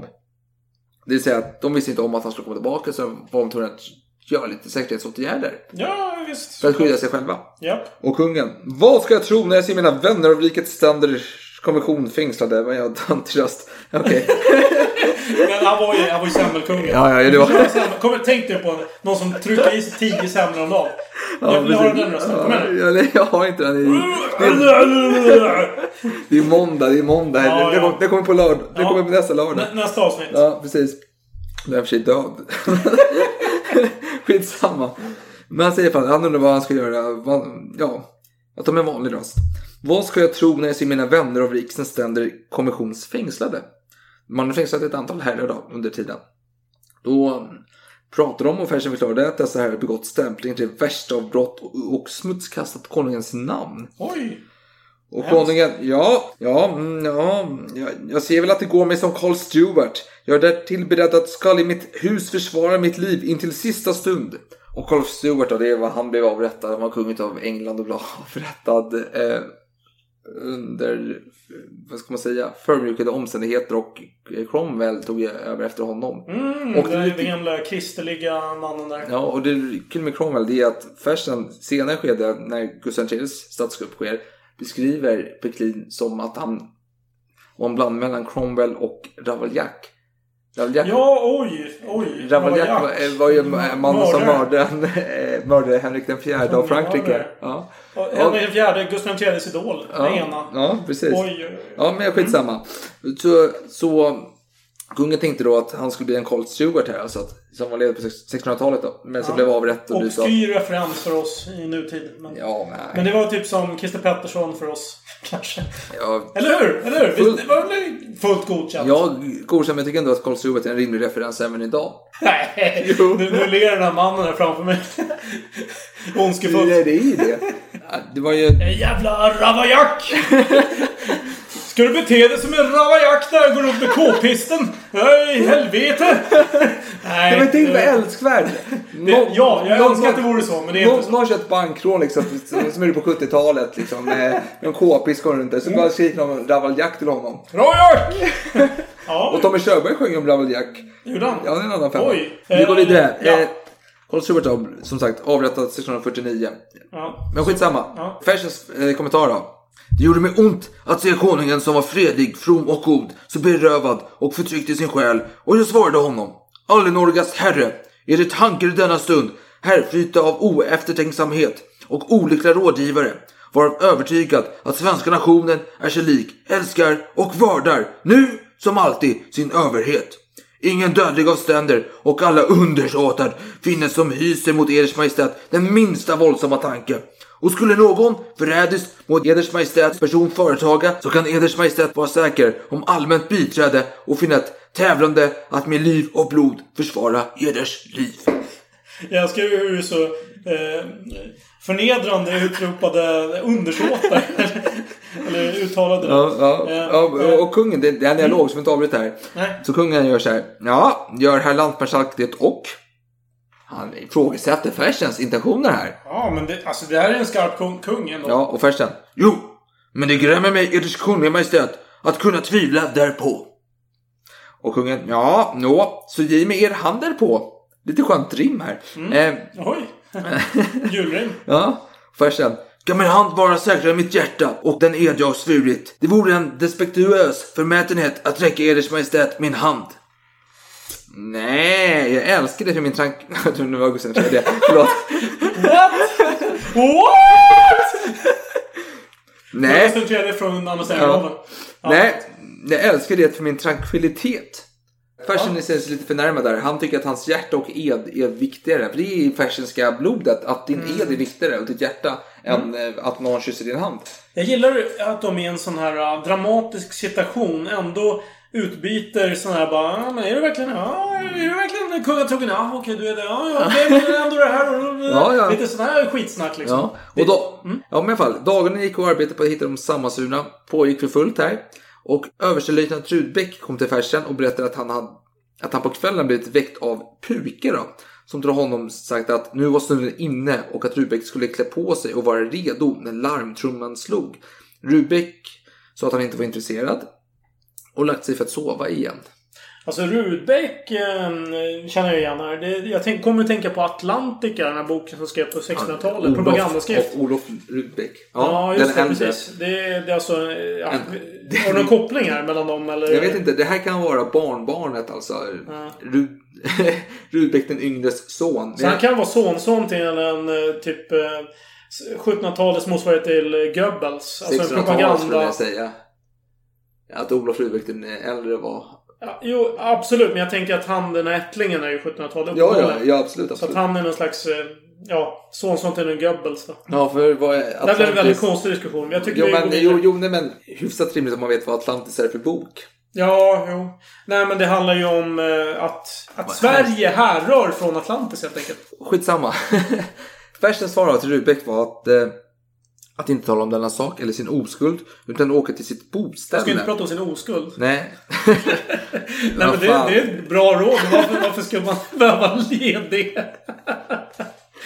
Okej, ja, det är Ja, pu- pubertala Alex i farten här. Min lokala fransman går och kör Lolita-skämt här. Lolita-skämt. Vad heter, vad heter den här franska filmen med hon Lola? Var det verkligen fransk? Var inte det, är inte det en rysk film? Lolita är ju Nej, en men rysk Lola. Lola. Hallå? Nej, jag vet inte. Det måste vara italiensk. Jag, jag tycker inte den är fransk, så jag tror inte det. Säkert fransk. Skitsamma. Eh, men i alla fall, Rudbeck gör som Fersen säger. Han klarar sig undan. Skitbra, grattis. Eh, Brahe, han har inte flytt från stan. Han gör inte som Fersen säger. Han hänger kvar där. Hans svärföräldrar, fru och vänner ber honom dra, försvinn, skydda dig själv. Nej, men han är oskyldig, säger han själv. Så jag stannar kvar här. Och fråg, eh, Brahe frågar då sin vän och medkonspiratör Hård eh, om vad han skulle göra. Hård, ja, han menar då att eh, Pruke som redan var gripen, han som hade väckt Rudbeck mitt i natten, aldrig skulle tjalla på dem. Så det, fanns, det finns inget behov att eh, fly. Nej. Och Purka har ju sagt att han skulle hålla käft de första typ 3-4 timmarna. Det har redan sagt, men det tolkade hårt som att han skulle hålla käft för alltid. I alla fall, och tortyr var. Älskvärt. På typ, ja, jo. Fast tortyr ska man inte leka med. Nej, men det var acceptabelt på den här tiden. Mm, och är tufft. Ja, Rosenkammare. Klarar han sina tre timmar? Stora frågan som alla ställer sig. Ja, det gjorde han. Och sen började han En erkänna. minut senare bara "Ah!" Jag skulle, alltså för fan, jag skulle inte klara tre timmar. Ja. Fy fan vad hemskt. Ja, men, men, okej, ja, ja. men han, han, klarade sina timmar han hade Ja. lovat. Sen erkände han. Men All han- heder i behåll. Ja, men eh, Fersen skriver så här om en annan som heter Stålsvärd då. Som också blev utsatt för tortyr i Rosenkammaren. Var det någon, eh, någon hybrid mellan en stål och en svärd som en stålsvärd? Ja, fast inte utav stål uppenbarligen. När du sa stål, då tänkte jag på hård. Att det var, Ja. Men det var inte samma. Nej, nej. Okej, men tack för input. Ja, nu, så här säger Fersen i alla fall. Stålsvärd kom dit och skulle avkläda sig. Sade han, livet är icke plågan värd, döden är människans lott, förr eller senare. Jag begär att bli återförd inför domstolen, där jag godvilligt och uppriktigt vill avlägga min bekännelse. Stenhårt. en pragmatisk herre helt enkelt. Ja, ja visst. Det där är... Jag ska ändå dö någon gång, så varför inte Jag erkänna? tänka på någon så här tysk general i slutet av andra världskriget som fick order om att gå och eh, komma tillbaka och bli avrättad av eh, hans Führer. Ja. Och då hade han faktiskt inställt sig till bunkern. Det här är liksom, det här är från en film så att jag vet inte om det stämmer. Men troligen stämmer det. Du gillar det? Jag gillar dina referenser. Då gick han tillbaka och så bara Ja men jag är här, jag har fått order om att jag ska bli avrättad. Och då eh, ändrade de order för att han var så modig då. Att så när man kom tillbaka så Ja men du fick en ny, beford- du fick en ny befäl här istället. Ja. Men hur, vad hände nu med den här eh, stenhård? Ja, vad heter han? järnhård? Stålsvärd. Järnstål? Stålsvärd. Stålsvärd. Japp, Han blev tagen och han tjallade på alla. Och midsommardagen, vad gör man då? Man har picknick såklart. Eh, Eh, Greve Hård dansar har, nej, man har picknick på Djurgården. Punkt slut. Och Fersen får en biljett då om att Puke och Solsvärd erkänt efter, tortyr och pekat ut Hård och Brahe. Eh, Fersen visar då biljetten för baron Karl Sparre och diskuterar det hela. Sparre gick sedan och snackade med en av Hårds vänner som förde Hård ut ur staden. Eh, Brahe gick inte att rädda. Han blev gripen senare samma kväll. Då han kom hem från en picknick vid Pipers trädgård. Då. Så, ja. Han var misstänkt för högförräderi, men går på picknick. ja men, det, det, Vilken skön lirare. Konsekvensen av detta är att eh, vissa vill ju döma kungafamiljen. De vill ta bort kronan, vissa vill avrätta. Oj. Fersen... Oj! Ja. Vänta, avrätta? Ja. Nu pratar vi alltså 1756. Ja. Vi pratar alltså 43 år före franska revolutionen så Ja. pratar svenskar om att avrätta Nej, sin vi- konung! Vi pratar om Picklin. Okej, ja, ja. förlåt, förlåt. det är han vi pratar om. Eh, Är det han som vill avrätta kungen? Alltså? ja, jag antar det. Det är Ja, jo, det kan man anta. okänd källa inom... Jag var tvungen att ställa frågan, men jag Ja. förstår vad du menar. Precis. Eh, och eh, ja, så vad händer då då? Man kommer, Fersen, han är medlare mellan allt och alla. Och då kommer man fram till att vi tar fram, vi har den här namnstämpeln då, som man känner från frihetssidan. Eh, och denna så gör vi en ny riksakt där vi berättar att oavsett vad kungen, han kan inte stämpla själv. Alltså han kan, även om man inte godkänner saker som han Då kan någon stämpla åt honom. åt. Det här är lika eh, juridiskt bindande som om man själv hade skrivit under. Jo, precis. Tidigare var det ju så att han skulle stämpla originalet själv. Precis. Och sen kunde man, eller skriva under original så kunde man stämpla resten. Men nu är det så att om kungen vägrar göra någonting och man har rätt på sin sida så kan man stämpla åt honom. Och nu har man ju gått över en gräns egentligen. För då har man ju helt... Eh, Kört över. kung, Ja, man har kört över kungen helt och Ja, hållet. precis. Och då är det så här att då försöker man få kungen att eh, godkänna detta. Och han vägrar, han säger inte ett skit. Så man skickar dit Höpken, han får inget svar. Men eh, Schäffer, ingen får någonting vettigt ur kungen här. Och eh, Fersen ser då som sin, eh, ja, ja, ja, jag går dit och snackar med honom helt enkelt. Så han säger att kungen måste ta det lite lugnt, att det kan eh, väder, han vädrar till kungen liksom, lugna ner dig, se inte problem här, var lite medgörlig här. Han var, han var så inte lugn just då. Han satt där på eh, nålar och, och hans fru blickade argt på honom. Ja, precis. Och frun var ju där. Lovisa Ulrika satt där. Såklart. Ja, och För han hade ju inte brytt sig annars. Han hade ju fan käkat sina semlor och bara legat på sängen. Eller? Precis, ja, utan tvekan. Och då sa till mig Fersen så att det med rådande situation och stämning så kan det finnas fara för konungens krona. Och då blev drottning Lovisa Ulrika arg. Så hon lämnade sin syjunta där hon satt och höll på och gick med bestämda steg mot Fersen. Hon gick så nära honom så att Fersen var tvungen att backa några steg för hon gick så Oj. nära. Och nu får du läsa detta för du har ju den här tyska första accenten i ditt tal här. Om du glömde att jag talade med min konung? Hur du understod du att så djärvt tala, föra och att det skulle kosta ditt huvud, men icke hans krona? Det han och hon väl visste att försvara. Och färsen då? Nu skedde det som han har längtat efter i så många år och så många dagar. Vad, vad är det han längtar efter? Ja, Nu- nu- att hon yttrade lite ilska mot honom. Oh, det var det hon vill... Åh! Ja, nu säger Fersen nu. så här. Vänta nu. Ja, Vad har han gjort innan där för att väcka hans vrede? Nu måste vi spekulera. Vad har han gjort? Har han jävla... Han skickar så här falskt små, eh, små brev, små hatbrev. Och, vänta, och så ber han betjänt så här. Kan inte du putta till eh, drottningen? Se vad som händer! Eller inte. Eh, men sen skrev han i alla fall. Varför hade jag en tysk dialekt på det? Jag vet inte. Fersen var till tysk tjänst. Ja, han, han Ja. tysk. Ja, precis. Ja. Ja. Så här skrev Fersen då. Jag hade länge önskat och väntat på detta anfall och svarade med all kallsinnighet att jag inte hade glömt konungens närvaro och icke av överlidning utan med berått mod givit hans majestät ett ojävaktigt bevis om min trohet och tillgivenhet.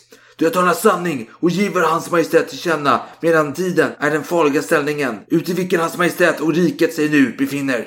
Att det ålåg även min skyldighet att underrätta hennes majestäts drottningen om de ämnen som henne angingo och utbad jag med hennes tålamod att höra mig. Drottningen sätter sig ner. Tänker på att hon gick nära honom, han backade ett steg, han började spy galla. Hon sätter sig ner, Fersen står över hennes huvud nu, tänker jag mig framför mig bara spy galla här.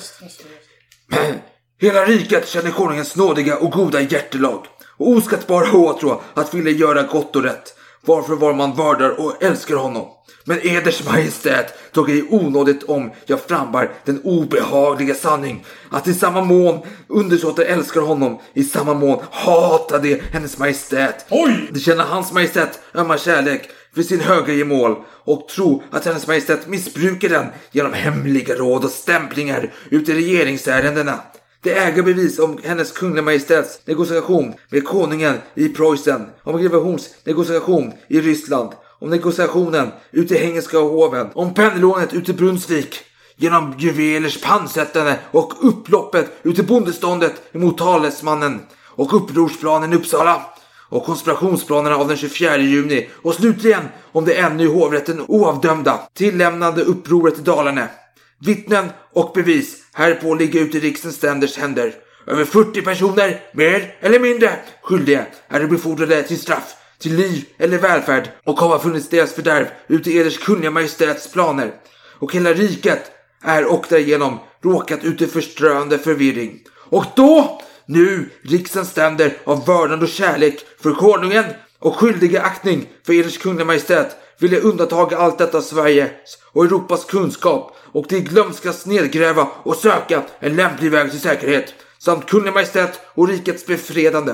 Så befinnes att hennes majestäts avstyrker den hos sin gemål då jag väntade på goda grunder dess höga biträde. Det torde och vara eders majestäts obekant att under överläggningarna ute i stora sekret produktion propositioner blivit framförda att skilja eders majestät från Sveriges rike och relegera dess person under bevakning på Gripsholms slott. Vilka propositioner dock med avsky förkastade och kvävde blivit. Under sådana omständigheter tror jag att min förnämsta trohetsplikt vore att utan omväg framföra sanning till förekommande av större olyckor än hittills över Eders Majestät och dess hus. Hårda ord.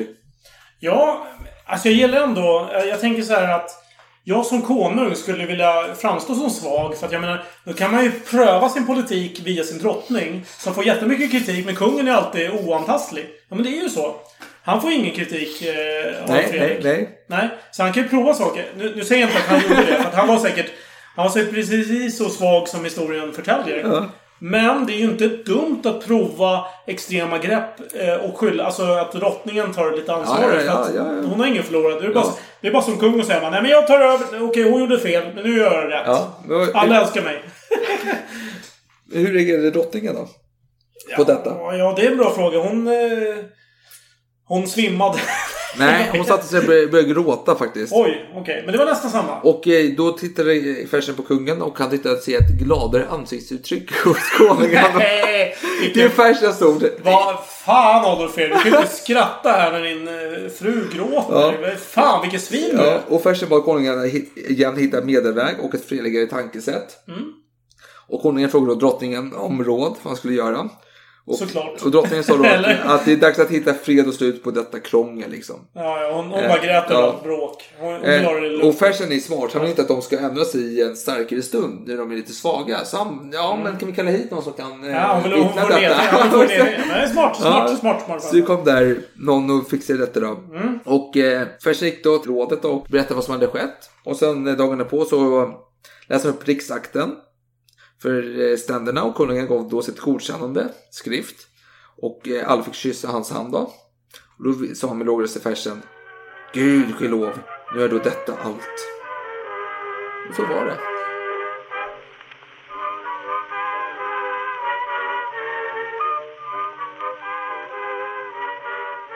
Ja, och efterdyningar av det här. blir- Visst blir Fersen utnämnd till chef för Livgardet. Mm. För att en del av den här eh, konspirationen, för det var ju ett försök till statskupp. Ja. Det var ju att använda Livgardet för att genomföra den här statskuppen. Ja. Och genom att sätta en från Hattpartiet eh, till chef för det här så förhindrar man ju, man, man försvårar ju en sån liknande revolution i framtiden. Ja. Jag Precis. tror att det var det som var anledningen till att han blev utnämnd. ja. Har du någonting att Nej, jag säga? har ingenting att säga om det överhuvudtaget. Men jag kan säga att 57 så började ett krig mot Preussen. Herrejes, har du hoppat ett helt år? Nej, nej, nej. nej. 1756. Ingenting annat. Inget annat okej. Då sker första världskriget. Ja. Alltså det- det är det egentliga första världskriget. Okej. Inte, inte 1914 eh, första världskriget. Utan sjuårskriget som egentligen är första världskriget. För som vi tidigare nämnt i förra avsnittet så var det österrikiska tronföljskriget. Mm. Och då förlorade Österrike ett litet område som heter Schlesien. Silesien kanske man också säger. Ja. Till Preussen. Och Preussen, de vill ju liksom... eh, De vill säkerställa att ja, men, men här är vårt område. Och så vidare. Det skapar lite nya spänningar i Europa. Och det ändrar lite på allianserna sedan det förra kriget. Till exempel så söker Österrike nu för, plötsligt stöd av Frankrike mot Preussen. Ja. Och eh, förra kriget då var det ju faktiskt Preussen och Frankrike och lite andra länder Ja. mot Österrike. Nu ändrar de lite på det här. Och eh, Frankrike och Storbritannien som vanligt, eh, de är emot varandra. Det är inget konstigt. De har ju dessutom eh, eh, för det här kriget väldigt relevanta eh, områden i Amerika och liknande. Och det är där de stora krigen sker egentligen. I Europa är det ganska lugnt. Ja. Kan man säga. Ja, ja. Eh, det som Slänger händer... soporna på bakgården, inte på... I man lägger, alltså, du tar ut soporna, inte har dem inomhus. Nej men precis. Nej, men, exakt så. Eh, vad ska vi säga mer om det? Jag vill bara ge lite bakgrund till det kriget. Eh, vi har ju då eh, i Ryssland så är det Elisabeth som är tsarinna. Mm. Och hon och eh, Fredrik den andra Preussen drar inte riktigt jämnt. Förutom det då så har de ju sina eh, klassiska allianser. Så att det är ganska invecklat det här. Men vad man kan säga är att eh, Sverige hamnar på såklart Frankrikes sida eftersom Frankrike betalar subsidier till Sverige.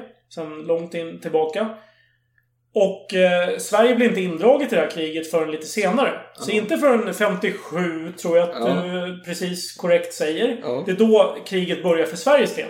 Men för Europas del börjar det redan 1756. Ja. Men snälla, fortsätt. Nej, jag kunde bara säga att det var ett krig mot Preussen då. Och, eh, detta, Precis! Och det, det är Pommerska kriget. Ja, och detta är lite intressant för då har vi alltså... Förlåt! Ja. Pommerska kriget då är en del av det sjuåriga kriget. Ja. Som är det här första världskriget. Ja. Nu får du fortsätta. Pommern är fantastiskt, säga. Ja, skitsamma. Eh, ja, precis. Det är krig och vi har en lite intressant situation i Sverige. Vår drottning i Sverige är syster till vår motståndare Fredrik den store. Fredrik den andra och Preussen. Och det intressanta är att hon kommer ju försöka göra saker. Hon begår ju landsförräderi här, helt enkelt. Oj! Hon försöker ju göra så, underlätta för honom. Såklart. Det är hennes bror. Ja, men i alla fall. Det, det, det är krig. Pro- Fashion är där och härjar. Många utav partiledarna eller högt uppsatta män inom riksdagen eller... Herre Jesus, de har ju fått titlar för länge sedan. Där, sen Ja, de är krigar. dagar. Ja. Alltså så efterdyningarna såklart. Ja, och finns en Fashion massa leder. artiklar. Han har ju st- stora segrar vid slaget vid Usedom och Volin. Ja, men, snälla. Förlåt. Stora segrar. Ja, Nej, det här är små skärmytslingar. Som Eh. visserligen... Okej, nej. eh, Visserligen hade det kunnat leda till någonting bättre, men... Det var ju så att alla var indolenta. Eh, Sveriges allierade var också indolenta, så det blev inga stora resultat. nej men han gjorde eh, imponerande, ifrån sig. imponerande insatser. Även Ja, Pecklin det var med vid slaget vid Volin och gjorde bra ifrån sig. Nej. I alla fall, det är kaos i landet. Vänta, på, på vilket sätt gjorde han bra ifrån sig? Pecklin, ja. Ja. men han var med och ledde i slaget vid Volin så han... Eh, Led, vad slaget vid Volin är ett eh, så grisfest. Precis, mannen från Mallorca liksom. Pecklin satt på um, Palma liksom och drack sprit och åt fläsk. Jag var tvungen att ställa frågan. Men fortsätt. Ja, nej, men i alla fall. Men skitsamma, jag tänkte, jag tänkte hålla mig väldigt kort om detta krig överhuvudtaget. Jag tänkte avsluta det här. För det är en riksdag 70 1760-61. Jo, han, han var ju delaktig då i den här expeditionsarmén i Preussen. Han gjorde bra ifrån sig, får man säga. Och han blir nu hemkallad till riksdagen. Ja, de flesta hoppar ju av sitt kriget i Preussen och säger bara, men vadå, det är riksdagen. Och detta blir en stor politisk fråga. Yes. Vad är det så för ynkryggar som drar det hemåt? Och Fersen är väldigt så här, ska jag åka tillbaka eller inte? Men ja, jag måste styra upp detta. Någon måste... Sverige behöver en Matrix och jag är Matrix. Oj, det var djärva ja, precis. Och det är ett splittrat eh, hattparti. Men Fersen vann i alla fall lantmarskalksvalet över Adam Horn. Nu hoppar du över all dramatik, känner jag. Gör du inte det? Nej, det kommer ju massa dramatik här efter. Okej. Ja, det är så här att Pecklin, han är en hatt. Är en hatt. Han var en hatt. Han är en hatt när det blir lantmarskalksval. Men han får för sig att eh, börja käfta mot eh, hattarna. Han börjar hålla på och angripa rådet för att de Och inte... varför gör han det tror Ja du? men, ja, men, det- vänt, vänta, ta det Men lugnt. jag måste lägga bakgrund här. Nej, men då, vad är det för men bakgrund? okej, Nej, men berätta, berätta, Pecklin. berätta bakgrunden då för Pecklins grisanförande. Jag skulle säga att det är lite tufft just nu för att eh, det här kriget som man precis har haft där med Pommerska kriget, det är ju pågående förstås. Men det är kostsamt. Ja. Så det är inte populärt och det gör ju att mössorna helt plötsligt, som tidigare var avträde, kan man väl säga. Ja. De har ju plötsligt fått lite makt nu för att eh, det, här, är- det kostar ju finanserna. Och det är Hattpartiet som har drivit det här. Ja, det är Så hattarnas Nu blir det krig, jämnare eller- än någonsin den här Ja, riksdagen. det är hattarnas krig snart. Men... Ja, så det är jämnare än någonsin. Det är vad jag Jo, vill jo, säga. men inte ryska krig. Det- Jag sa fel, jag ber om ursäkt. Eh, nej, det är hattarnas krig och mössorna är på väg Ja, framåt. men det är inte hattarnas krig. In- Jag vill inte nämna använda ord hattarnas krig. För du, du vet precis vad jag menar. Ja. Så vi säger inte det. Men Nej, vi säger nej. att det, det är ett krig som, som hattarna har på sitt ansvar. Ja. Och mössorna drar fördel av att det går sådär. Precis, men eh, fortfarande är hattpartiet störst. Ja. Eh, de har vunnit lantmarskalksvalet med Fersen i spetsen. Och Pecklin nu börjar, som är en hatt, börjar ställa jobbiga frågor och eh, anklaga de styrande. Och påstå att, eh, att man inte har följt det beslut som fattades av riksdagen om ekonomiska insatser. Man har använt ekonomin till krigsföring istället för att göra andra insatser med det. Och man krävde en utredning då. Och eh, det här nya partiet som Bäcklin helt plötsligt hade skapat var det nationella partiet eller mer känt som Landpartiet. Så han började göra en jävla massa väsen av sig. Och eh, fick även plats i sekret i utskottet då en hatt avgick, lämpligt nog. Denna riksdag började röra 60 och den höll på jävligt länge. Så man gjorde ett juluppehåll, julen mellan 60 och 61. Och eh, 61 öppnade på nytt och Bäcklin attackerade då kanslipresidenten Höpken då och anklagade honom för kriget. Han var ansvarig för kriget. Så Höpken, nej fan jag riskerar ingenting här. För vi måste minnas, vi sa ju inte det, men de ansvariga bakom statskuppen som misslyckades, som blev avrättade. Och sen är så jävla lite känsliga mot just avrättning. De kan, Ja, det kommer senare. Ja. Ja men bilarna kan eh, svingas åt vilket håll som helst där. Ena dagen är det hjälte, andra dagen är det en landsförrädare. Det är inte populärt. Man är inte rädd. Så Höpken här, han tänker att det är inte värt det. Jag avgår. Risken finns att bli avrättad här. Mm. Jag har Levenhaupt sedan tidigare och nu har vi haft Bravo och Company som blivit avrättade. Och Fersen, kanske senare då, men han avstår ju de högsta titlarna ibland. Mm. Just för att han riskerar då huvudet. Precis. Och Höpken avgår, några andra till, till exempel Palmstierna och Schäffer avgår. Är på toppen här. Han har lyckats få eh, hattarnas stu- stora män avsatta här. Och då kommer twisten. Peklin tar med sina efterblivna trogna följeslagare och går över till hattpartiet. Och inte bara det. Nej. I fullt samråd med Fersen. Fersen. För detta är regisserat. Fersen. Nej, nej, nej. Stopp här. Han har allierat sig med djävulen, den gode Fersen. Han... Nej, nej, nej, nej, nej, Vill du tillskriva eh, Peklin en finare epitet? Nej, det får du inte göra. Du har fel. Jaha. Fast du har rätt samtidigt. För jag vill citera en historiker innan du fullföljer det här. Historieprofessorn Carl Gustav Malms- Malmström säger att han fullbordade hattarnas moraliska ruin. Ja, Malmström blir i och för sig väldigt sågad ut av eh, som gett ut Fersens historiska skrifter. Då Malmström kritis- Malmström, professor... Ja, han kritiserar eh, och han hävdar att Fersen är en dålig aktör att ha som eh, historiskt värde. Då han har en viss tendens. Eh, Ja. Och då säger, då drar han massa exempel och den här Klinckowström då som har skrivit, gett ut böckerna om Fersens historiska Mm. skrifter börjar då ifrågasätta Malmström. Dels har Malmström några sämre argument mot Yes. honom. Sen så använder Klinckowström Malmströms egna litterära verk för att baktala Malmström själv då. Jag tror så här, för du försöker såga Malmström. Nej, jag, vill säger säga- bara att jag han ifrågasatt eh, Ja. historiker, Jo, professor. Jo, jag skulle vilja mildra det här. Jag skulle vilja vara en fashion i sammanhanget. Ja. Och säga att Malmström har inte helt rätt. Men den här Klinckowström har inte heller helt rätt.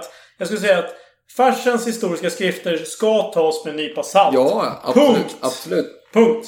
Men, Men, snälla inte, men inte med Malmströms motivering. Det är en annan femma. Nej, men Fersen var ju väl insatt i detta. Och det är ett rävspel helt enkelt. Mm. Ja, det är ett hemskt rävspel. Fruktansvärt Och, och. Fersen är ju smart. Han anpassar sig efter situationer. Och det, Ja. är, och det är ju så här att han har ju fått information här. Han vet vad som har hänt. Han har fått Peklin att eh, stödja honom i landsmarskalksvalet. Toppen. Alltså det, det, det vi ska komma ihåg är att det finns i hattarna. Hattarna är ju splittrade den här tiden. Höpken och Fersen är inte vänner här. De är lite fiender. Höpken har till och med gjort ett erbjudande till hovet om att han skulle stödja Horn vid landsmarskalksvalet. Fersen säger att ja, men det är bra att bli av med honom. Så när, kom ihåg att jag nämnde att Peklin fick en plats i sekreta utskottet. För att en hatt avgick. Det var Fersen som av, eh, övertalade den här hattpartisten att avgå från sekreta utskottet och då kunde sätta i Peklin. Sen Höpken, Peklin hotade honom lite med att han skulle anklaga honom för kriget. Dagen därpå kommer Fersen honom och sa ja, jo, du, tänk på alla hemskhet, hemskheter som kan drabba dig om det blir en utredning. Du kanske borde avgå istället. Lite, lite maffia här liksom, eh, gudfadern. Ja, ja, och så gick Höpken, avgick liksom. Och så kunde man tillsätta sina egna vänner och Peklin fick en plats här. Så det var ju, Fersen blev av med dem som han ogillade och kunde sätta dit lite mer, bland annat eh, Eva som vi nämnde förut, brännvins Ja, brännvins- ja, svägerska. ma- man. Svägerskans man. Ja, fick en bra tjänst bland annat inom hattarna. Mm. Eh, Så det finns lite sådana här, det var aktiva val utav Fersen. Han visste man skulle spela motståndarna helt enkelt och göra det bästa utav situationen. Det fanns fler inom hattpartiet som var delaktiga, men man behövde franska diplomatens stöd. Så man hade gått till honom och sagt så ja men vi tänker så här. Och den här Harmencourt då, som var franska diplomaten, han var ju förtjust i Fersen, som alla fransmän är. Så han hade bara, ja ja men visst vi köper detta. Och sen efteråt har han insett så här, ja fast fan jag har inte checkat med hemmaplan liksom. Oj, jag checkade med relevant." bossen. Så han, sa, han hade tydligen uttryckt någon gång att, eh, att om han blev rappellerad till Frankrike så hade han sagt så här, så får jag bo gratis, det vill säga i Brasilien. Ja, det, var, Ja. det var en skön Jo, kommentar. och senare samma år, 61 då, så gick ju Peklin all in då. Han var oförskämd mot riksrådet. Så man gjorde omröstningar om Peklins vara och icke vara. Och Fersen försökte skydda honom så gott det gick, men det gick ju inte. Så han blev ju utesluten ut ur riksdagen Mm. och portad till nästkommande riksdag. Ja, precis. De, de försökte väl... Alltså jag kan minnas fel men var det inte de försökte utesluta honom från Riddarhuset också? Det var något Ja, så här helt ja. brutalt. På något Ja, sätt. men han var han var ett svin. Folk hatar honom. Ja. Med rätta. Ja, så att det är en, en till... Vad ska man säga? En pyrrusseger för Fersen. Ja. Kan man inte säga det? Om man, om man frågar Malmström så ja. kan man definitivt säga Ja, att det men är det. Malmström vill vi inte lyssna på. Ja, han tycker att det är en pyrrusseger. Och eh, nu är det också så att året därpå, 1762... Vänta, vänta. Pyrrusseger. Vad, vad vill Malmström? Vad, vad förespråkar han? Men Malmström tycker väl att det är väl bättre med en ärbar förlust än en eh, skamlig seger. Det är ingen skamserie. Fersen har ju spelat ut alla kort rätt där. Jo, han, han, har men- fått sina allierade på plats. Han blev av med sina fiender. Peklin blev han av med på köpet Det, också. det han har gjort är att han har eh, offrat egentligen, eh, vad ska man säga, alltså det är ingen som litar längre på ledningen i Hattpartiet. För att man kan helt plötsligt offra, jag tror man offrade tre Ja. Jag vet inte om det var tre riksråd eller någonting. Det var tre Jo. väldigt högt uppsatta Hattpartimedlemmar Ja. just för att få till det här. Jo, och det kommer ju eh, bli ännu mer tydligt 65-66 sen. Men det gör att förtroendet, man kan inte lita på någon längre. Ingen... Nej, men fast det där bygger på... Sammanhållningen Jo, men det där, det där är ju egentligen ett franskt perspektiv. Rakt igenom. Det, Som sig bör.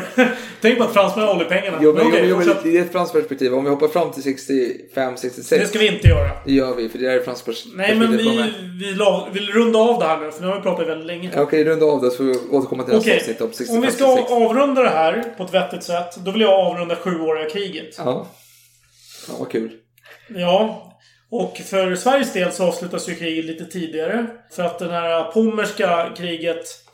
Det är lite av en stalemate kan man säga. Visst, det går, det går okej för sve- svenskarna, men man måste ju koordinera med sina allierade. Det går inte så jävla bra. Och man har ju den här enkeldrottningen som eh, pratar med sin bror. Och så eh, förhandlar de fram en... Vilken jävla enkelrottning. Nej men, tänker jag fel? Jaha. Fredrik förstas fru. Är inte hon, är inte hon bror med... Vem? Fredrik den förstes fru? Ja, eller är det Adolf Fredriks fru som är gift med... Ja. Som är, som är bror, dottning till... Det är syster? men Okej, men jag tar om det. Okej, jag tar om det. Ja. Eh, vad var det jag skulle säga? Jo! Nej men för Sveriges del så tar här kriget slut lite tidigare. För att Adolf Fredriks fru är ju syster till eh, Fredrik den store. Ja. Så man kommer be henne göra en liten Så, lösning här. så, så har partiet och andra politiker bearbetat henne lite. Bara snälla kan du inte få det här till en schysst Deal, avslutning? liksom, ja. Schysst deal. Cykeln på köpet. Ja, och det blir cykeln på köpet. Alltså det blir, inget, det blir ingenting att hurra för. Men kriget avslutas för svensk del. Typ ingen förändring i stort sett. Det är status quo. Ja. Men det är slut på kriget. Härligt, underbart. Kul. Fred i vår tid. Och tror det eller ej, men det är ganska bra timing för att tsarinnan i Ryssland, Elisabeth, som är på, vad ska man säga, svenskarnas Ja. eh, sida. Ja, inte Lovisa Ulrikes sida utan svenskarna. Alltså, Svenskarnas sida, ja precis. sida. Ja, hon avlider då i januari. Och då tar Peter den tredje över, en ny tsar då, Som är gift med Katarina den stora. Som är Peter III är ju son då till svenska prinsen, alltså Karl XIIs systerson som var Ah, tronpretendent. Fredrik av Holstein. Ja. Just det. Eh, hur som helst, han råkar då vara en fanboy av Fredrik den store. Ja. det är väldigt kul. Jobb, jobbig. Så, så föreställ er nu situationen. Ryssland är i krig med, eh, ja, massa länder förstås. Eh, och får, blir helt plötsligt eh, blir han eh, tsar över det här eh, Ryssland. Men hans motståndare, det är Fredrik den store. Det är hans gamla idol. Alltså det är typ, fan vet jag, Michael Jackson eller någon, Ja, ja, någon skit. Så gud. bara, Jaha, ja, ja, men honom vill jag inte slåss med. Jaha, vad ska jag göra nu då? Okej, han drar tillbaka sina trupper till att börja med. Eh, intressant sak. För han gör det i samband med att de allierade mot eh, Fredrik den store. Det går bra just då för dem. Ja. Men då drar han tillbaka sitt stöd. Vilket gör att de, han försätter sina allierade i en dålig situation. Ja. Och sen, sen väntar han lite grann och sen bara erbjuder han helt plötsligt sin idol. Bara, Hörru Fredrik, vad fan, jag har ett, eh, lite soldater här som jag kan ge dig. Eh, och vilket han gör. Det är helt sjukt. Det här är helt sinnessjukt. Men han ger bort eh, regementen. Jag vet inte hur mycket soldater så jag vill inte säga någonting där. Han ger bort soldater till Fredrik den store. Ja. Och säger bara, men här får du lite trupper av mig. Ja, Fredrik Store bara ja, men tackar och bugar och så slåss han på sin sida. Och, och det slutade hela med en ganska fördelaktig eh, fred för Fredrik den store såklart. Ja. Men det här är ju en maktdemonstration från den ryske tsaren. Han kan ju avgöra ett krig. Han, han hade ju Fredrik den store i Brygge helt plötsligt. Ja. Eh, Alltså i, i början där. Men så bara vände han det. Han bara, jag skickar lite soldater, jag ändrar lite grann. Så att det är ju väldigt fint från hans sida. Ja. Utifrån sett. Ja, Men det är är ju fruktansvärt för oss svenskar och för andra människor. Ja. Det är hemskt. Men eh, Ja, så är det är det. ett starkt ord. Men i alla fall, så var det. Det blev slut där och vi är slut på detta avsnitt. Vi, jag hade tänkt att det skulle ta 12 år till. Men vi får ta det i nästa avsnitt. Eller du har någonting att säga här märker jag. Du skakar som Christer Pettersson. Ja, jag vill bara... Efter en eh, abstinens från schack då, eller hur du tänker. Nej, men jag vill bara säga att Riddarhuset är nu stängt för nyintag. För nu är Pommerska kriget slut. Och det innebär... Nu räcker med det här Karl XII befordrans till alla jävla eh, överstar och skit. Nu ska det inte bli någon mer befordran, för nu är det inga pengar kvar här. Vi är utarmade, plus att vi inte har något Det krig. var ju inte Karl XII. Jo, men Det var jag... Fredrik den första. Ja, ja, jag menar Fredrik... Ja, jag, såklart jag menar det. Jag menar, som en efterföljd av Ja. Karl XIIs krig. Då trodde man man behövde jättemånga höga militärer. Men sen när det sket sig, då är det inte så stort behov längre. Men det är Nej. väldigt kostsamt att ha sådana militärer. ja. Och på samma sätt då, 1762, när kriget för svensk del är över. Ja, nej, då räcker det. Riddarhuset stängt för nyintag, inga nya adelstitlar. Till och med så att de politiska partierna, de avstår från mutor. Har de lovat att göra. Ja, jo, det, och det hölls ju inte riktigt. Men det är en, man kan lova i alla fall. Det är viktigt. Ja, och Fersen, han han måste faktiskt själv låna 150 000 dollar från den franske ambassadören för att hålla sig flytande. Bara det! Men vi fortsätter nästa avsnitt. Ja, det var bra, bra vet han, Niklas Holmgren-avslutning här. Mycket skrik och lite verkstad, det är perfekt. Ja men skål fan! Vi fortsätter om någon, ett tag. Skål! På återseende om två veckor. Hej, hej!